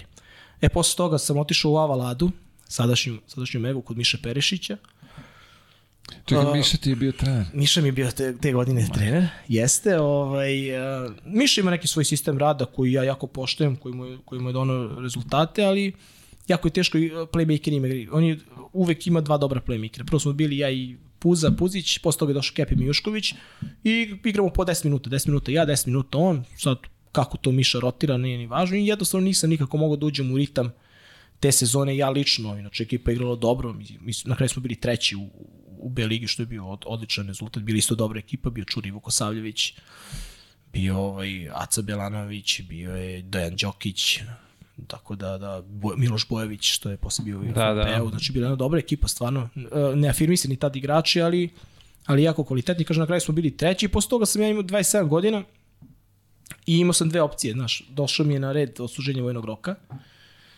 Znači, morao sam ili u vojsku ili u inostranstvo. Pošto u inostranstvu nisam, nisam, imao sam nešto za Igokeo da budem neki backup playmaker uh, Aristanoviću tada, starijem playmakeru. Nisu bile ni neke loše pare u pitanju, ali jednostavno nije mi to u tim godinama bio. Kaže mi Darko, kao, ajde, ostani ovde, kaže, odsluži civilno vojni rok, tam još da igra prvu srpsku ligu i ovaj, kao da probamo da u B ligu. Ja dovedem tu neke svoje drugare, dođu, povučem iz OHK Beograda, dva, tri momka, dva, tri pančevca se vrate, Perak, Stepanov, Ovaj, mi se proštamo kroz ligu, uđemo u B ligu, uzme nas Petrohemija. Čekaj, kad spominješ Peraka, kakav je to talent bio? Evo ja, Mi smo bili zajedno u Vršcu. pa meni Rade Marković kaže, kad smo bili tu, pošto smo igrali zajedno, i, i Davor i, i, Rade su bili u istoj ekipi te godine, ono, 2009. što sam ti pričao. Kaže Rade, e, moj Bojane, kaže, znaš ti šta je, kako sam ja gledao ovog Peraka, kaže, kao Boga. Znači, znaš kakav je to? Kaže, a vidi gde je on sad, gde sam ja. A samo radom. Davor ima taj problem da jednostavno Da, da. nije, nije, nije volio. Kako je ona mekana ruka? I ruka, je i glava, i pametnica je jedna i ja njega baš, mislim, baš ga volim ovako i kao, i kao čoveka i kao igrača, ali jednostavno nije, nije uložio, nije ulagao u sebe, nije, znaš, nešto slično i moja priča. Ja nisam dovoljno, do, dovoljno ulagao u sebe kao igrač i mislim sam možda mogao da imam i veći plafon da sam, da sam više radio, da sam, da sam bio onako što se kaže vrholik. A on je tek, tek bio Mislim, tamo kad smo bili u Vršcu, on, Perak i Perin. Perin, a možda ne znam. Jeste on iz, zvao- odakle iz Inđije ili tako nešto, Stara Pazova. Stara. Pazova, da, tako da. Jeste. Vidi. To dva talenta, tad projekt i I Pera Rodić, ludila, tako je da. To, ono, po njima se pravila ekipa, to sledeći, ono, u, u Hemo, ulazi u prvi tim Hemofarma. Jeste. I Dado je posle toga otišao u Laove, jel tako isto? u Tako godinu je, je, jeste. da. Da, igrao sam ja te, jeste, te, te godine je bio OK Beogradu, ja mislim kad je on došao u Laove. E, kažem ti, on se vratio, prošetamo se, kažem, kroz prvu srpsku ligu, onda smo naišli tu u B ligi na neke probleme, znaš, Nova Ilije, neko si ti ko je tamo, znaš, pa su te sudije radile, pa, znaš, pa ne može. I treće godine napravimo to, dođe nam Đalović iz, iz vizure, čuveni Đale, znaš kakav je to njuška. To je, ovi sigurno ljudi koji prate s, s beogradskih terena znaju čuvenog Znaju kome se radi. Pazi, ja i Čušica smo bili doktori za tu ligu. Ja na svojoj poziciji, on na svojoj, ali nam je falio neki, neki baja, razumiješ, neki baja koji će... Znaš, mi igramo, mi igramo protiv Vrbasa prvo kolo, to mi je 2-3 statika, on njega mrzi da živi, brate. Ali kad je derbi, neka odimo u Valjevo. Kao da, ne, kao da obuče ono dres Supermana, znaš, kao, da 30 pojena, ne oseti ih, znaš, pije se sa svima, pogađa neke trojke, dvojke. Znaš, treba nam je taj jedan baja samo koji će nama da, znaš, ono, i mi smo relativno lako, Gagi Nikolić bio trener, ovaj, relativno lako, ovaj, bili smo prvi ubedljivo, ušli u KLS i eto, tad 15 godina, ja sam te godine igrao još, prve godine Gagi je bio trener i to je zanimljiva priča. I to, ovaj, na kraju sezone sam bio najbolji asistent uh, KLS ligi, imam zvanično priznanje, ali sam realno odigrao lošu sezonu, uh, u smislu procenata šuta i nekih partija koje nisu baš bile na nekom nivou na kome, na kome sam trebao ja da igram. I ovaj, na tri kola do kraja smo već bili faktički ispali. I kaže Darko sad, Pa ispali odakle? iz KLS. A vama ste se plasirali? Ne, ne, ne, pričamo o toj sezoni prvoj kad smo se plasirali u KLS. A, okej, okej, okej, okej. Pošto si sad spomenuo ulazak Ne, mi smo Gagija, ušli, pa... ne, ali Kagina se vodio druge sezone u, u KLS-u. Aha, aha. I kažem da mi je ta sezona, prva, ta sezona kad smo ušli u B ligi, tad, to, to, tad sam bio uz Đaleta i Čušicu, mislim, stvarno sam nekoliko utakmici odlučio, baš sam imao odličnu sezonu, vrhunsku sezonu. Ali sam se opustio posle na, na, na pa, e, to je sad neka stvar o kojoj sam ti pričao, što nisam bio taj baja koji je... Koji je Dobro, vidio si da može, ali Video sam da je bilo može, i onda pršavo to je bilo to. i onda opušteno, znaš, i onda sam ovaj, ušao čak i sa nekim 4 kg viška u pripreme, pa onda uđeš u nervozu, ne možeš tu da skineš, pa znaš, onda krene loša sezona, jedna utakmi, pa izgubiš na samopouzdanju, ali kažem i pored toga sam bio najbolji asistent lige te godine, ali tri kola do kraja, kažem ti, mi smo već faktički ispali. I kaže Darko, moramo napravimo neku šok terapiju, kaže, ispadamo, kaže da dovedem nekog trenera drugog, kaže, ko će sad dođe da uzme ekipu na tri kola do, do, do kraja. Ovaj, kaže, bi ti uzeo, kaže, tim da, da, da pokušaš, je bi ga, šta da radiš, mislim. Svakako smo ispali. Svakako smo i, znaš, ali ajde, znaš, da, prob, da probamo nešto, znaš, kao. A ja iskreno ti kažem, već mi je bilo dosta, ono, ono, ono, košarke, nisam više mogao da, stalno pod nekim pritiskom, znaš. Kad sam došao, to, pre toga, pre što došao u Pančo, pritisak, znaš, ajde da uradiš što, što bolje, što više, što više od sebe, znaš, otaš se, stalno si tu negde granično između B lige i tadašnje prve lige, ali nikako, znaš, u to vreme, ja bi sad bio najtraženija roba u Srbiji, veruj mi, kao playmaker. Onakav kakav sam bio, sad bi bio najtraženiji, ne mislim za Partizan i Zvezdu, ali sve Jasno, do Partizana da, i da, da. Zvezde, veruj mi da bi se otimali klubovi za mene. Ja tad nisam mogao da pređem, kao loša desna ruka, nekonstantan šut, pogotovo iz driblinga, znaš, i ti nisi mogao da igraš dalje, ne možeš da igraš dalje. Igraš, znaš, nemaš ni neki size da budeš sad. I već sam bio ja i pri odluci, da, na primjer, da se to nije desilo, ja bi najvratnije posle godinu dve dana završio karijeru. Pa ja rekao, a mene uvijek zanimao stvarno, uvijek sam se ba onako analizirao, ko- košarku volim, pratim stvarno i pa ja rekao, ok, što se mene tiče, ok.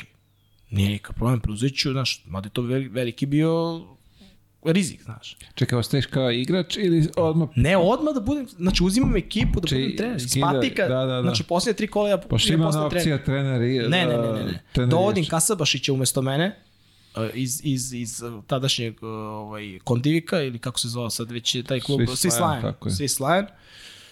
On mi dolazi za ta posljednja tri kola, dobijamo utakmicu, TV prenos, igramo protiv Mašinca kući, dobijamo utakmicu, Dejan Đokić daje koš sa, sa zvukom sirene za pobedu, gubili smo jedan razgled, dobijamo 65-64, ono cijela hala u transu. I imamo još jednu utakmicu u Novom Sadu protiv, protiv uh, tada, da li je bilo Vojvodina Srbije, gasi kako se zvali više, ne znam, koji isto skoro da ne možemo da dobijemo, dobijamo i tu utakmicu, isto na penal završnici i mi ostajemo u ligi, jer posljednje kolo smo igrali protiv Metalca Valja, ali nam nije bilo važno, jer je, jer je Vizura izgubila od zdravlja koje je već bilo ispalo. I to kući izgubi Vizura od zdravlja, što, nije, što je bio ono totalno neočekivan, to nas isto poklopio rezultat i mi ostanemo u ligi.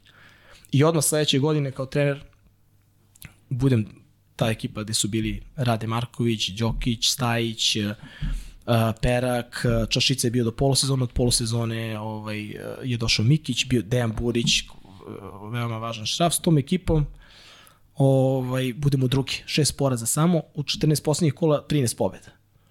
I u Superligi dobijemo, parti, uh, dobijemo Zvezdu, dobijemo FNP-a kući 20 razlike, on, i to je FNP-a ozbiljna ekipa ovaj, sa Raduljićem Čovićem, znaš, mislim, sve, sve su to momci koji su, koji su sada i- igraju, onako, ne sada, ali do skora igli najozbiljnije neke uloge.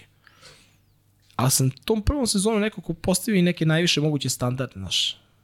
Jer to nije bilo realno, znaš, tom ekipom da budeš drugi i da igraš na tom nivou na, na, na, na, na, taj način. I onda su mi Dobro, stalno... ima se, pazi, sad, da, ne znam koliko ljudi znaju, ali te momke koji si nabrojio su ozbiljna Kako imena ne, za, kako za KLS ligu. kako ne, ali ne, ali, tad, je- ali znaš kako, tad je KLS Liga bila mnogo jača nego što je sad. Sad ti kažem, ali... Znaš, ovaj, mnogo, mnogo jača nego sad. Znaš, i to je bio stvarno nerealan, nerealan rezultat u tom trenutku, iako kažem, ali razliku nam je najviše pravio Rade. Rade nam je, da, nam je donao taj karakter i, i, i, ta, i on imao te poene u rukama. Svi ovi ostali su bili odlični klubski igrači. Znaš, nije Bane Jereminov tad bio što je bio posle dve, tri godine, jer uh, kod mene je došao posle godinu dana povrede ukrštenih ligamenata. To je ta sezona, njemu, znači njemu su to prva, prve utakmice posle godinu dana pauze, znaš.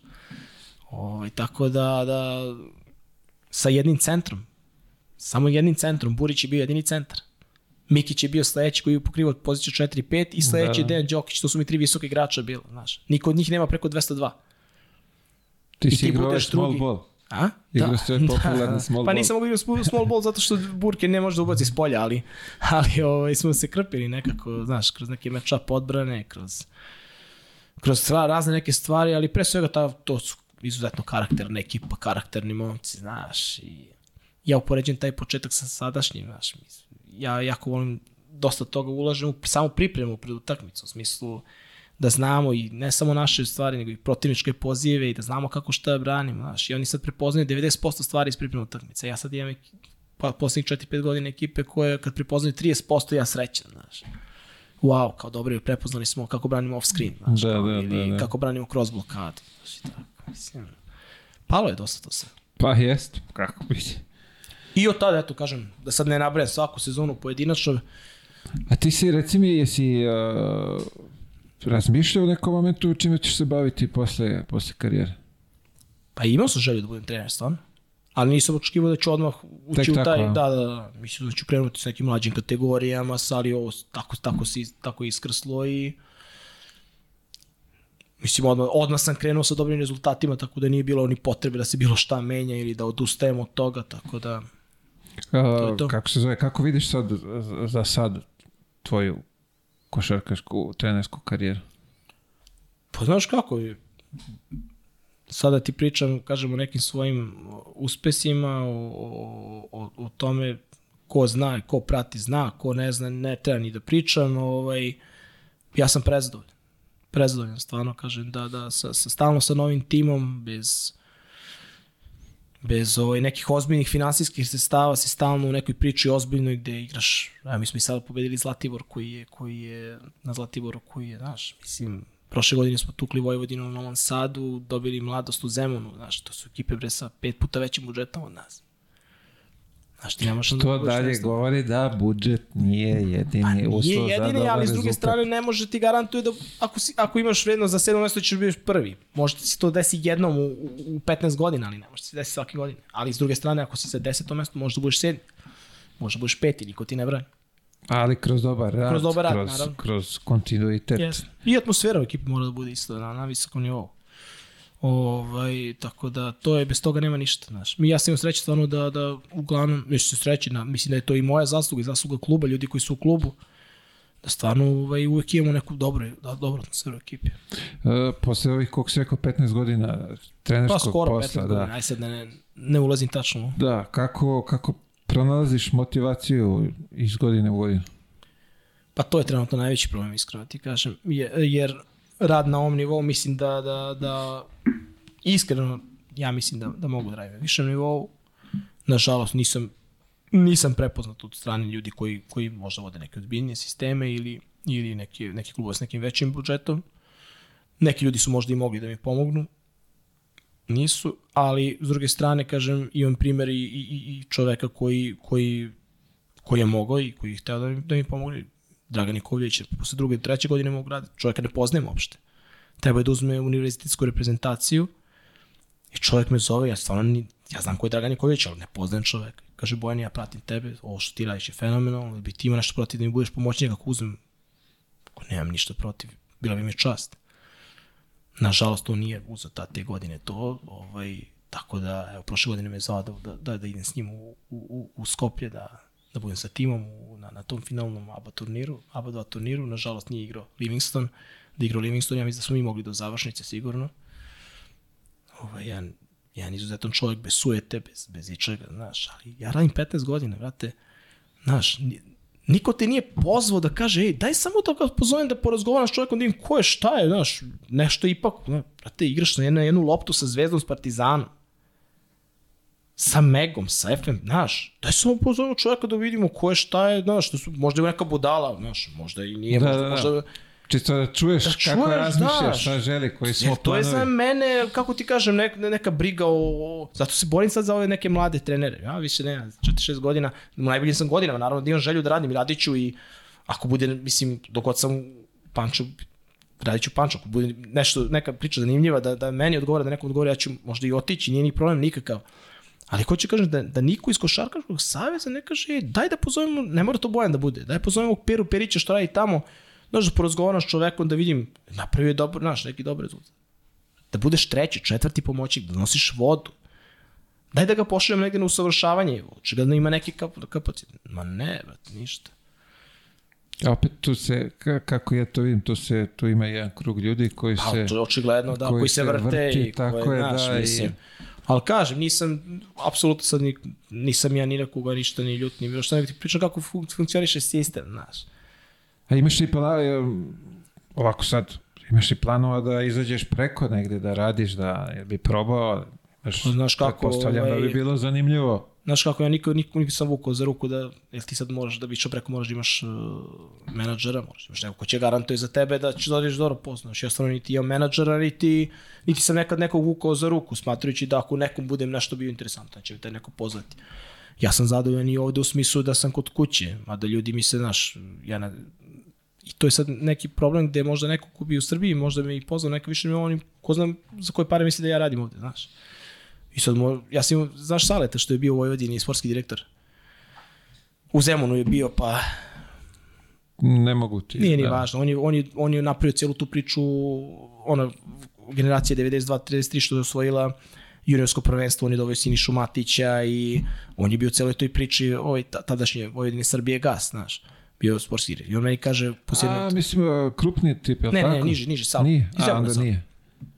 I on meni kaže, znaš ti ja sam, da smo mi tele tele da dovedemo da ti budeš trener, kaže. Ali pričali smo kao ja i Lezović, tadašnji direktor kluba. E, tog tipa znam, da, Da, da, da, da. kao da, da. pričali smo, kaže, pa kao šta mi njemu da ponudimo, kaže, pa on radi u Pančevu sigurno za 3-4 hiljade, kao, kao ko je njemu interes da dođe, kao, znaš, od, kao druže, ja radim za 1000 evra.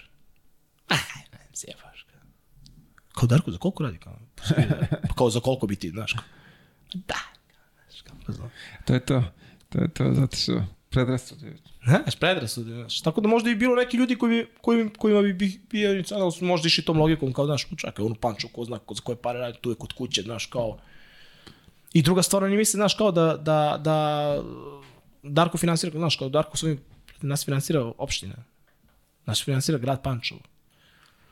Znaš, kao, kao njemu je lako, kao nje- njega brat kao finansira, kao. Prvi, prvi, prva stvar, košarkaški klub Tamiš tu, od kad sam ja došao u klub i ja vodim cijelu sportsku politiku u smislu Darko je zadužen za sve što tiče organizacije, novca, obezbeđivanja budžeta i to, ali sve što tiče sporta on se ne meša. Znači ja selektiram tim, ja dovodim igrače, ja, uh, apsolutno mi se ne meša u posao ni na koji način, znači imam svu moguću slobodu da, da, da, da, da, da, da radim, znači nema nikako, znaš, Jasno. kao brat mu, znaš, kao finansija. Pa dobro, evo vidi sad, pošto... Pa mi ako ne, mi da nemamo rezultat, mi ne bi postojali. Ni Tačno brat, ni tako. ja. Ni, razumeš šta ću ti kažem? Tačno tako. Ali to su te predrasude i, i te priče, znaš, kao lako je njemu, kao, znaš, kao njemu. Lak. Pa ja imam veći pritisak, ja ti kažem, moji igrači imaju pritisak kao što imaju igrači u Partizanu i Zvezdi. Za svaku utakmicu, za svaku pobedu. Nikom ništa ne poklanjamo, nikom ništa ne dajemo. Mi smo sad igrali protiv Kolubare, ništa nam nije značilo. Mi smo igrali kao da igramo finale. Isto i u Čačku protiv Čačka, izgubili smo utakmicu, smo igrali kao da nam je finale. Ja sam ponosan na to, znaš. Stara srpska, lako je njemu. Da, lako je. A dobro, vidi ovako, pošto sad uh, nemaš agenta, sad verovatno je drugačije, pretpostavljam da ne može, moraš neki agent tu da se Naravno, javi, da naravno. kaže, Ma e, dobro, da ja dođe kažem s ja. ponudom, da vamo tamo, ali svakako vidi, imaš, imaš želju, najbitnije što imaš želju je da hoćeš da napreduješ, da, da, da ideš dalje, Naravno. tako da, Na prije Evo, 4-5 pre- godina je bio Deki Milović dobar, znaš. O, igrali smo protiv Mege. A to je ta godina kad smo igrali protiv Partizana, ovaj, samo jednu loptu, odemo, odemo posle toga igramo protiv Mege u Beogradu, oni su dobili 40 razlike. Uđu u switch, mi nemamo, mi sve stariji igrači, nemamo nikog na lopti ko može da, da, da napravi neku štetu, znaš. Uđu switch i ubace, ne znam, daju nam 18 trojki. Ne znam za ko šta nije ubacio. I, a pre utakmice kaže Deki, Darko kaže, je li bre, ti normalno šta, šta će ovaj čovjek više ovdje, znaš, o, kaže, pa šta me, šta ga, ne držim ga ja, znaš, kao, daj, kao, znaš, pusti čoveka, kao, znaš, kao, davno je prerasto, kao, da, znaš, da, da.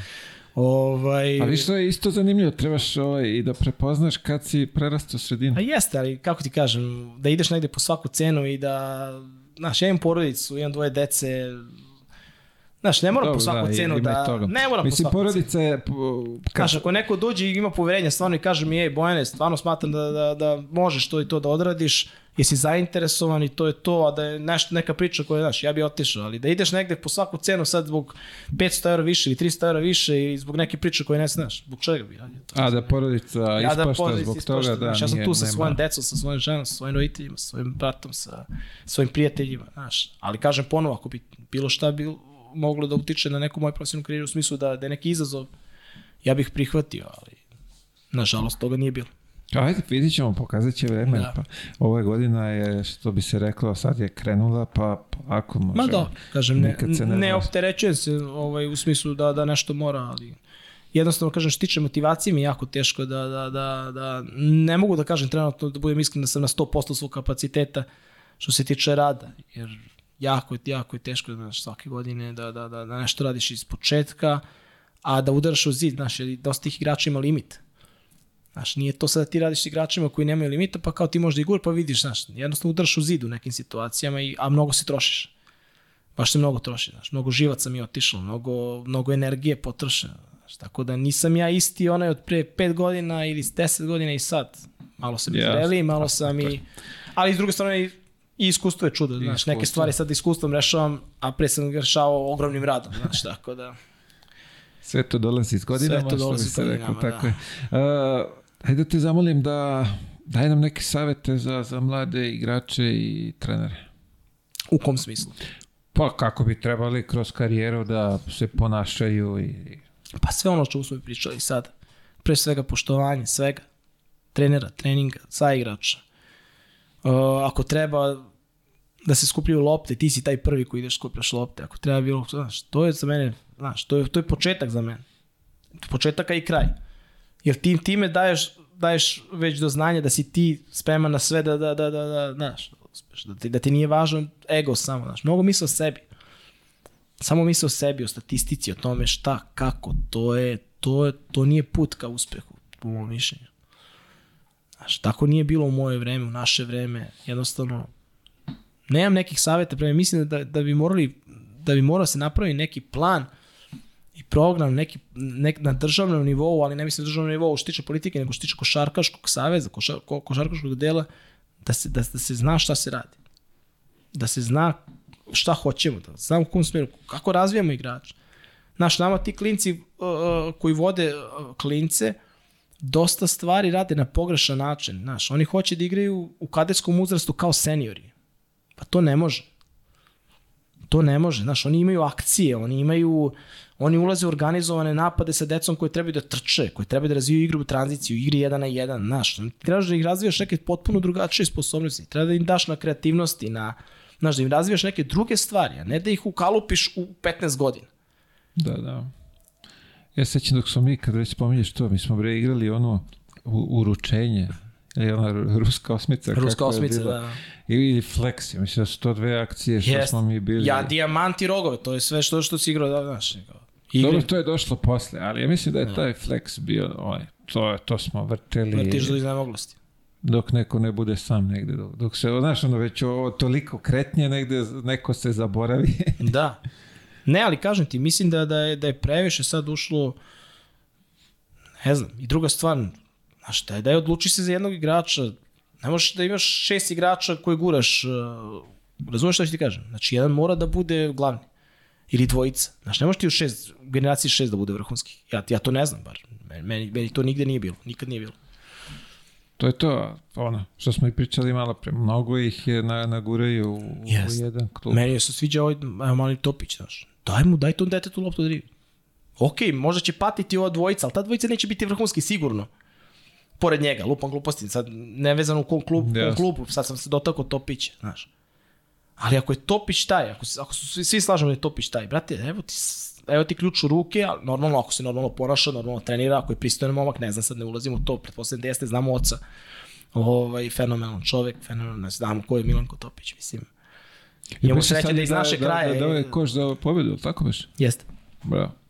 Jeste. Mislim, to je isto, da, to dete dobija na samopouzdanju. Jeste. Ja sam mislio da će ovaj mali Trifunović od Partizana biti ozbiljan, ozbiljan. I on sad, uh, Marko kad ga je vodio ovaj Bareć u, u Mladosti Zemuna, baš mu je dao, davo lepu slobodu i, i pokazivao određeni talent da možda bude onako baš kreativan igrač i ali nekako mi se uopšte ne sviđa sad u kom smeru se razvija njegova karijera. Pritom ne, uopšte ne, ne, ne mislim ništa loše ni u njemu, ni u trenerima, koji- nego jednostavno mi- mislio sam da će moći na ne, nešto, nešto bolje da, da, da, da ispadne od njega. A gde su nam Pecarski, gde je Mišković, gde, znaš, to su momci koji su kojima su predviđene baš ozbiljne karijere. Znaš, nestali su. Vidi, oni su njima predviđali ozbiljne karijere, ali ti kad pogledaš ta njihova generacija, oni su tu reprezentativnu selekciju izbacili. Izbacio iz B. Ali mislim da je to više stvar međuljudskih odnosa nego kvaliteta. Ako tako gledamo u tom uzrastu, dvojica igrača da iznesu sve završen, Jeste. Oni su ispali u B diviziju. Jeste. A diz- dizali su i u nebesa NBA, Jeste. zove, gori, Ja, sad, to ti, će... e, to je, vraćamo se na ono početak priče, znaš, da li je to normalno da, da, da, da pusti tu decu, da kažem, da se izbore sami, da, da, da, da vidimo ko su šta, znaš. Ovako, mislim da je dosta, dosta, dosta igrača zbog toga nestalo, znaš. Prevelika očekivanja, prevelik pritisak na njima, to su deca, bre, znaš. Ti njima pričaš sad o ovom, znaš, ti ćeš ovamo, ti ćeš onamo, ja ću tebi ovo, ja ću tebi ono. Čekaj, bre, prvo da pokaže nešto čovjek na terenu. U stvari, prvo nek pokaže pristojno ponašanje, radnu etiku. Lako ćemo za ostalo, veruj. Ima tu mnogo, mnogo ovaj... Mnogo stvari. A što tiče mlađih trenera, kažem, ovi što rade u seniorskoj košarci, puna podrška. Ovaj, biće im teško, naravno, trebaju se izbore sa, sa, sa pogotovo unutrašnjosti, znaš, nije lako, svi su, svi su treneri. Ja, ja, e, tu, tu ja imam sreću, da sam zaštićen ovde gde u Pančevu svi znaju i ko sam i šta sam i u principu niko, redko ko će me osporavati na taj neki slučaj da kaže ja, nema pojma, šta, ja bi to, znaš, ne znam ja šta. Ali po ovim manjim sredinama, znaš, ti imaš problem, pogotovo dođe trener sa strane, njih 15 će se javi, kao, ko je sad ovaj, znaš, je, gde je došao, pa znaš ti da mi imamo ovog, pa mi imamo onog, znaš, a što ovaj nije trener, a što... Tako da moraju se da, da, da se nosi sa tim pritiskom i sa, i sa igračima, znaš, tako da, da nije lako, nije lako, ja sam bio igrač i trener, I mogu ti kažem da sam kao igrač, ovaj, igrač su najveća stoka, znaš. ja znam i šta sam ja umeo, znaš, i kako pusti. Zna da to. bude. Zna da bude, znaš i ti, mislim i ti si, znaš. Mislim, da ti ne pričam ja neke svoje epizode iz karijere, a za sebe smatram da sam izuzetno normalan momak, znaš, ali sam imao par epizoda koji, kojima se uopšte ne ponosim, znaš, onako, gde se nisam poneo profesionalno, gde, znaš, a zamisli kakvog polu sveta ima tek Znaš, tako da, i sad ti kao trener, tu se treba da, da, da iskenduješ, da prepoznaš, da kanališeš, da... Ja s mojim igračima ponašam kao, kao porodica, znaš. Ja redko kad imam individualne sastanke s igračima. Sad ja to, ej Mile, ti si super, a, ali ovaj me, znam, ovaj te nervira, znaš, tamo ovaj nema pojma, znaš. Kao. To što tebi kažem, to kažem pred svima. Ako ja te naružim, ja te naružim. Ako ja ti kažem dobro, ja ti kažem dobro.